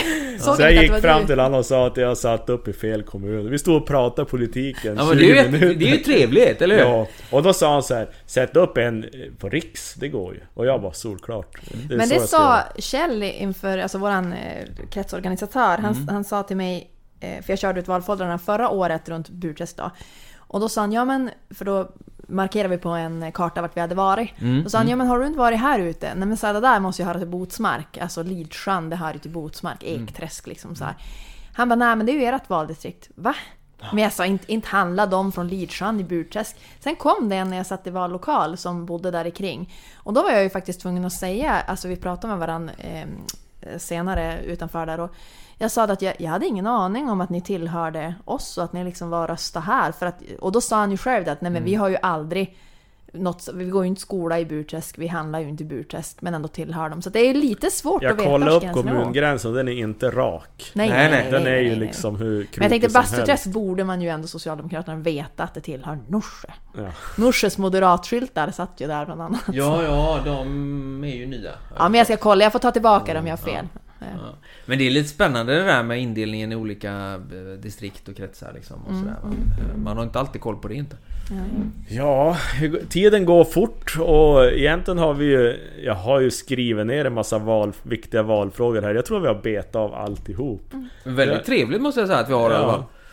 Verkligen. Det är jättekul att sitta här och få lära sig massor, prata med trevligt folk. Det är en grej som jag skulle vilja höra dig prata om. Ni har ju fått en fantastiskt bra partiledare. Menar du att de inte har haft det tidigare? Jag säger inte att Saboni var dålig, men det var något som inte flög där. Ja men det kan vi vara, alltså sen vad det berodde på, det behöver vi inte analysera men det har du helt rätt i. Får jag fråga det. vem du förespråkar eller vill du inte prata om det? Alltså av de Jag förespråkade Nyamko. Ja, Eh, mm. Då, för 2019. Eh, av, av massa olika skäl, men framförallt för att jag tyckte att det var dags för någon som som hade eh, näringslivserfarenhet och som hade en bakgrund som inte alls såg ut som de andra politiska broilerarna liksom. Eh, och, och som kunde föra in ett perspektiv som, som eh, var erfarenhetsbaserat snarare än liksom något annat. Men Men nu kommer det, jag det fortfarande flög inte ju ihåg. inte, som du säger. Nej. Det var ju han nu, Jo- Johan Persson, Ja, och så Johan var det. Nyamko. Vem var den tredje nu? Erik Ullenhag. Ja men just det, Ja. jag glömmer alltid bort han. Mm, och han har ju all, han, han, är ju, han är ju född politiker mer eller mindre, Erik. Ja. Superduktig! Jättesympatisk, jag gillar honom jättemycket. Men jag tyckte att det var dags liksom för någon som inte har ägnat hela sitt liv åt politik. Och du tyckte nu Petter att Johan är en bra partiledare? Eller du Ja, han lyft så. partiet Ja. och han är ju... Alla vill, man hör ju det att alla vill ju vara kompis med han. Ja. Han är ju... Och hans re, TV-reklam. Alltså man, man njuter ju, han är så rolig. Ja men det måste jag se. säga att jag, jag skrattade också lite grann åt honom. Linjalerna. Ja, jag tyckte, jag, tyckte, Ja. jag som jobbar med barn, jag tyckte det var fantastiskt. Ja, men nej, alltså, men faktum är Han att... går att hem i bild Ja, ja. och han Ja, ja. är... Han har funny bone, alltså han är rolig och så kan han politiken. Alltså så grejen han är ju den bra. att, och och han har ju också gjort annat än att vara politiker, vilket är, är bra. Han har varit företagare och... Nej, jag är jättehappy. Jag tycker det är, han är längst också. Det är ju... Det är ju en merit. Jag tyckte det var jätteroligt när, när, han hade hett, när han tog på sig de här skorna. Bara, när de här var moderna, redan Ja. då så tyckte vi det här. Och så, och så kom kontra Annie, jag tyckte det var kung. Bara, de här blir aldrig omoderna. Ja, då hade hon på sig gröna vanliga stövlar. Och det tyckte jag var så bra för att det känns lite grann som mitt parti. Bara, yes, det vill jag tillhöra. Bara, jag Ja, kommer alltid och- ha de här skorna. Och jag tänker att det, det är också bra att att skillnaderna inte behöver vara så fruktansvärt konfliktfyllda Nej, utan nej. att man kan liksom säga så här att vi tycker så, ni tycker så, det är fine. Ja. Ehm, Men jag tyckte det är kul när det blir lite skoj. Ja, Alltså, och, jag, och det som Nyamko, om man nu ska prata lite om henne ändå, så, så det som hon ändå gjorde som jag tror var ett försök eh, som inte flög då, precis som du säger Petter. Det var ju att vara lite mer resonerande, föra lite mer samtal, ha lite mindre one-liners och klyschor och lite mer liksom resonemang och Och diskussioner. här gick inte hem. Nej! Det vi just har pratat om vad vi Precis. efterfrågar Ja. Här. Exakt. Fast hon var lite osäker också ibland. Exakt så. så. att det var väl det, Ja. det är väl det Ja. han... Jag måste säga att jag tyckte, tyckte bättre om Nyamko innan hon blev partiledare. Och det har ju, alltså jag tänker att du får ju en helt annan roll när du blir partiledare. Jag så, tror... jag vill, så personligen så känner jag ju inte heller Helt plötsligt heller. ska hon ju kunna allt. Ja men det blev som att jag fick en annan bild av henne när hon blev partiledare. Eh, jag tror att du delar den uppfattningen med väldigt många. Eh, och, och framförallt de många av, av alltså, politiskt engagerade, oavsett vad man har för åsikter så att säga, till vilket stall man hör, va, så, så tror jag att det var den allmänna uppfattningen runt om. Och, och tyvärr. Eh, sen är det ju så här att att eh, man kan aldrig veta innan. Nej, precis. Men hon var ju extremt vass när hon var statsråd alltså i början på 2000-talet. Det var ju... Ja, det var ju fantastiskt. Eh, vi håller på att gå till slutfrågorna Ja. och på tal om politiker så brukar vi alltid fråga så här Berätta om en politiker som du gillar som inte är från ditt parti. Ja, Okej, måste det vara en svensk alltså? Ja, Det helst. måste, du kan ge att flera exempel. Ja. Ta en utländsk och ta en svensk. jag vill gärna jag- ha en som jag kan förstå vem det är. Ja, jag gillar ju Barack Obama. Ja. Eh, Av massa olika skäl. Uh, idé och, och värderingsdriven och eh, ganska pragmatisk och eh, väldigt fokuserad på framtiden och, och att skapa någonting som är lite bättre än det han liksom tog över. Det tycker jag var... Ja... eh, en fantastisk resa. Och han har ju... eh, Sätter ju fortfarande avtryck. Alltså, eh, Trump och hans anhängare är ju fortfarande förbannade över det. Obama gjorde va. Så det, och det är ju bra, tänker jag. Ehm, sen är jag väldigt fascinerad av, av Winston Churchill. av massa olika skäl, men framförallt hans eh, förmåga och trots sin ganska extrema politiska hemvist egentligen. Han var extremt konservativ. eh, Samla folk alltså. Och det har ju att göra med hans retorik och hans förmåga, hans språkliga förmåga skulle jag vilja säga. Återigen, väldigt viktigt med språk va? Eh, och, och sen då om vi ska ta någonting... Är det alltid en bra egenskap? Ja, men jag tänker att det är ändå, när det behövs så är det ändå viktigt att få eh, kunna skapa någon form av enighet. Så länge man har goda och- syften. Jo, men absolut. Men han, han, och han hade ju det. Han, Ja. han ville ju liksom besegra Tyskland och han hade... Det är ingen slump att han fick Nobelpris i litteratur, det tror jag inte. Men det, Eh, är- ursäkta att jag bryter in här, men när du pratar om språk så måste jag bara säga att jag, jag är ju verkligen inte kristen, det har jag varit tydlig Eller, alltså jag går liksom inte i kyrkan nej, så. nej. Men det finns ju en, en präst som fångar mig Mm, eh, när han pratar. Och det är på tal om språk. ja. Det är ju då alltså Åke Hägglund eh, som är präst i, nu vet jag inte riktigt vart han är präst eh, just nu. Jag tror att han har varit kanske på Sarbörde. Men alltså han pratar ju bondska. Okej. Och jag tycker att det är helt fantastiskt att sitta och lyssna på honom. Och så jag har ju haft han när jag har döpt mina barn, för det har jag gjort.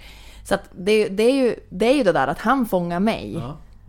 Ja. Och, och det, man, man måste hitta någon som man fångas av. Nej, men så det, och, och sen kanske jag inte håller med om all, allt, som, allt politiskt tankegods som Churchill stod för. Det, det, är inte, det kanske jag inte gör. Men, men de två. Och sen... Om vi ska titta i Sverige då. eh, Så... eh, Nu kommer det komma ett riktigt, riktigt eh, oväntat svar alltså. Men jag skulle vilja påstå att det finns två som jag tycker har gjort det hyggligt bra ändå alltså. Och det ena är Ola Ullsten. Oj, vad jag känner igen. Ja, han var folkpartiledare och lyckades med 11% tror jag de hade av rösterna hålla en minoritetsregering vid liv i tre år nästan. Det, eller ja, vi, vi, 79 där. Inte i tre år, i ett år. Eh, och efter att den borgerliga regeringen sprack och sådär. Och det var nog inte så enkelt. Jag tänker ändå att de fick en del gjort. Det var bra gjort. Eh, sen är det ju Barbro Westerholm. Men nu är det bara liberaler? Ja, men det är ändå... Vi, vi pratar ju om, om förebilder och så. Barbro tycker jag är, är bra också. Vi sa så här, frågan var politiker som inte är från ditt parti. Jaha, förlåt. Ja men du, då ska vi... Då finns det fler. Eh, Ja. Absolut. Eh, då tycker jag nog att Anders Borg... Oj! Vad spännande. Där kom jag min sån här haka som Petter kom så här. Ja, men oerhört tydlig med att liksom pengarna ska in. Arbetslinjen gäller. Det är, det är skatteintäkterna som ska maximeras och det betyder inte att man höjer skatterna utan det betyder att man maximerar skatteintäkterna och det är inte samma sak. Alltså han var ju professionell. Extremt alltså. Och, och ja, ja.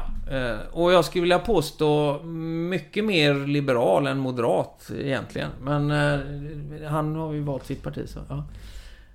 Eh, Så det är en. Eh, Fredrik Reinfeldt får jag nog ändå ta upp också. Ja men tack, där kom Sen håller inte jag med om allting som han Nej. stod för och gjorde. Eh, Och definitivt inte sättet som, som han bäddade för en del problem som har med, med integration och så att göra. Men för det, det blev liksom inte så bra. Men, men däremot eh, sättet att ta sig an aktuella problem och faktiskt börja lösa dem istället för att bara göra symbolpolitik. Va? Och att också leverera det man har sagt att man ska leverera. När Alliansen gick till val 2006 så sa man liksom två veckor innan valet att vi kommer att sänka a-kassan. Och, och sen två veckor efter valet så var a-kassan sänkt. Eh, man kan tycka vad man vill om innehållet i det, alltså att sänka a-kassan, men de gjorde det de sa att de skulle göra och det var extremt framgångsrikt. Det var action snarare än, än liksom någonting annat. Och det, betyd, det betyder också att det är inte maktinnehavet som är viktigt, utan det är innehållet i den förda politiken. Och, och det är väl egentligen skillnaden kanske mellan den dåvarande alliansen, i alla fall 2006-10 och den nuvarande politiken liksom i, i de block som nu finns då va? Därför att där ser man ju liksom att maktinnehavet verkar vara det totalt allt överskuggande för Magdalena Andersson. Det spelar ingen roll vilken politik hon för efter valet, bara hon får vara statsminister. Ja, det är väl det man säger om Socialdemokraterna, det är maktpartiet. De har två politiska idéer egentligen. Va? Det är att liksom ta makten och sen behålla den.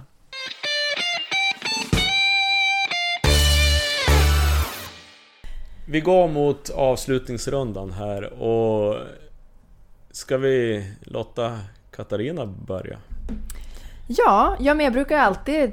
Jag har känt att jag nästan har samma avslutning varenda gång. Det är så himla trevligt att ha folk här och det var jättetrevligt att ha dig här också HP.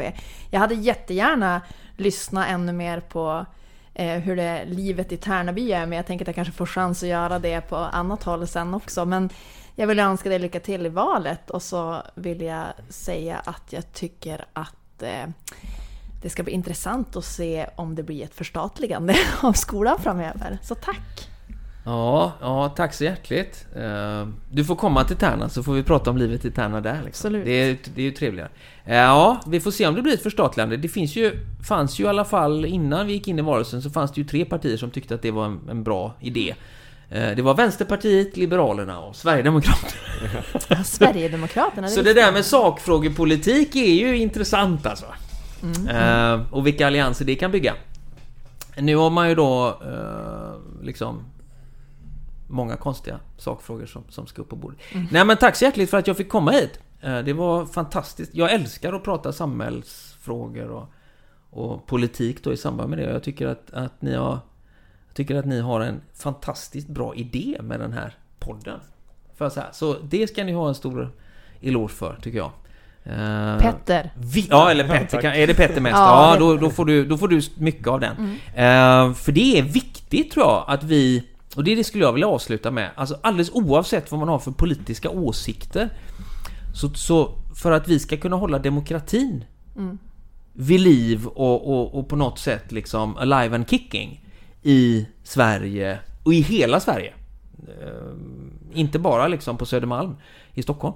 Så är det så otroligt viktigt att vi som är... För det, utan demokrater finns det ingen demokrati. Precis. Och därför måste vi som, som har det i vårt DNA, så att säga, oavsett vilka yttringar det tar sig partipolitiskt, vi måste jobba med att få in fler. Och, och exempelvis då så är det så här att eh, de här valforskarna i Göteborg kom ju fram till att det är bara en av 20 ungefär i Sverige som kan tänka sig att ta ett politiskt uppdrag.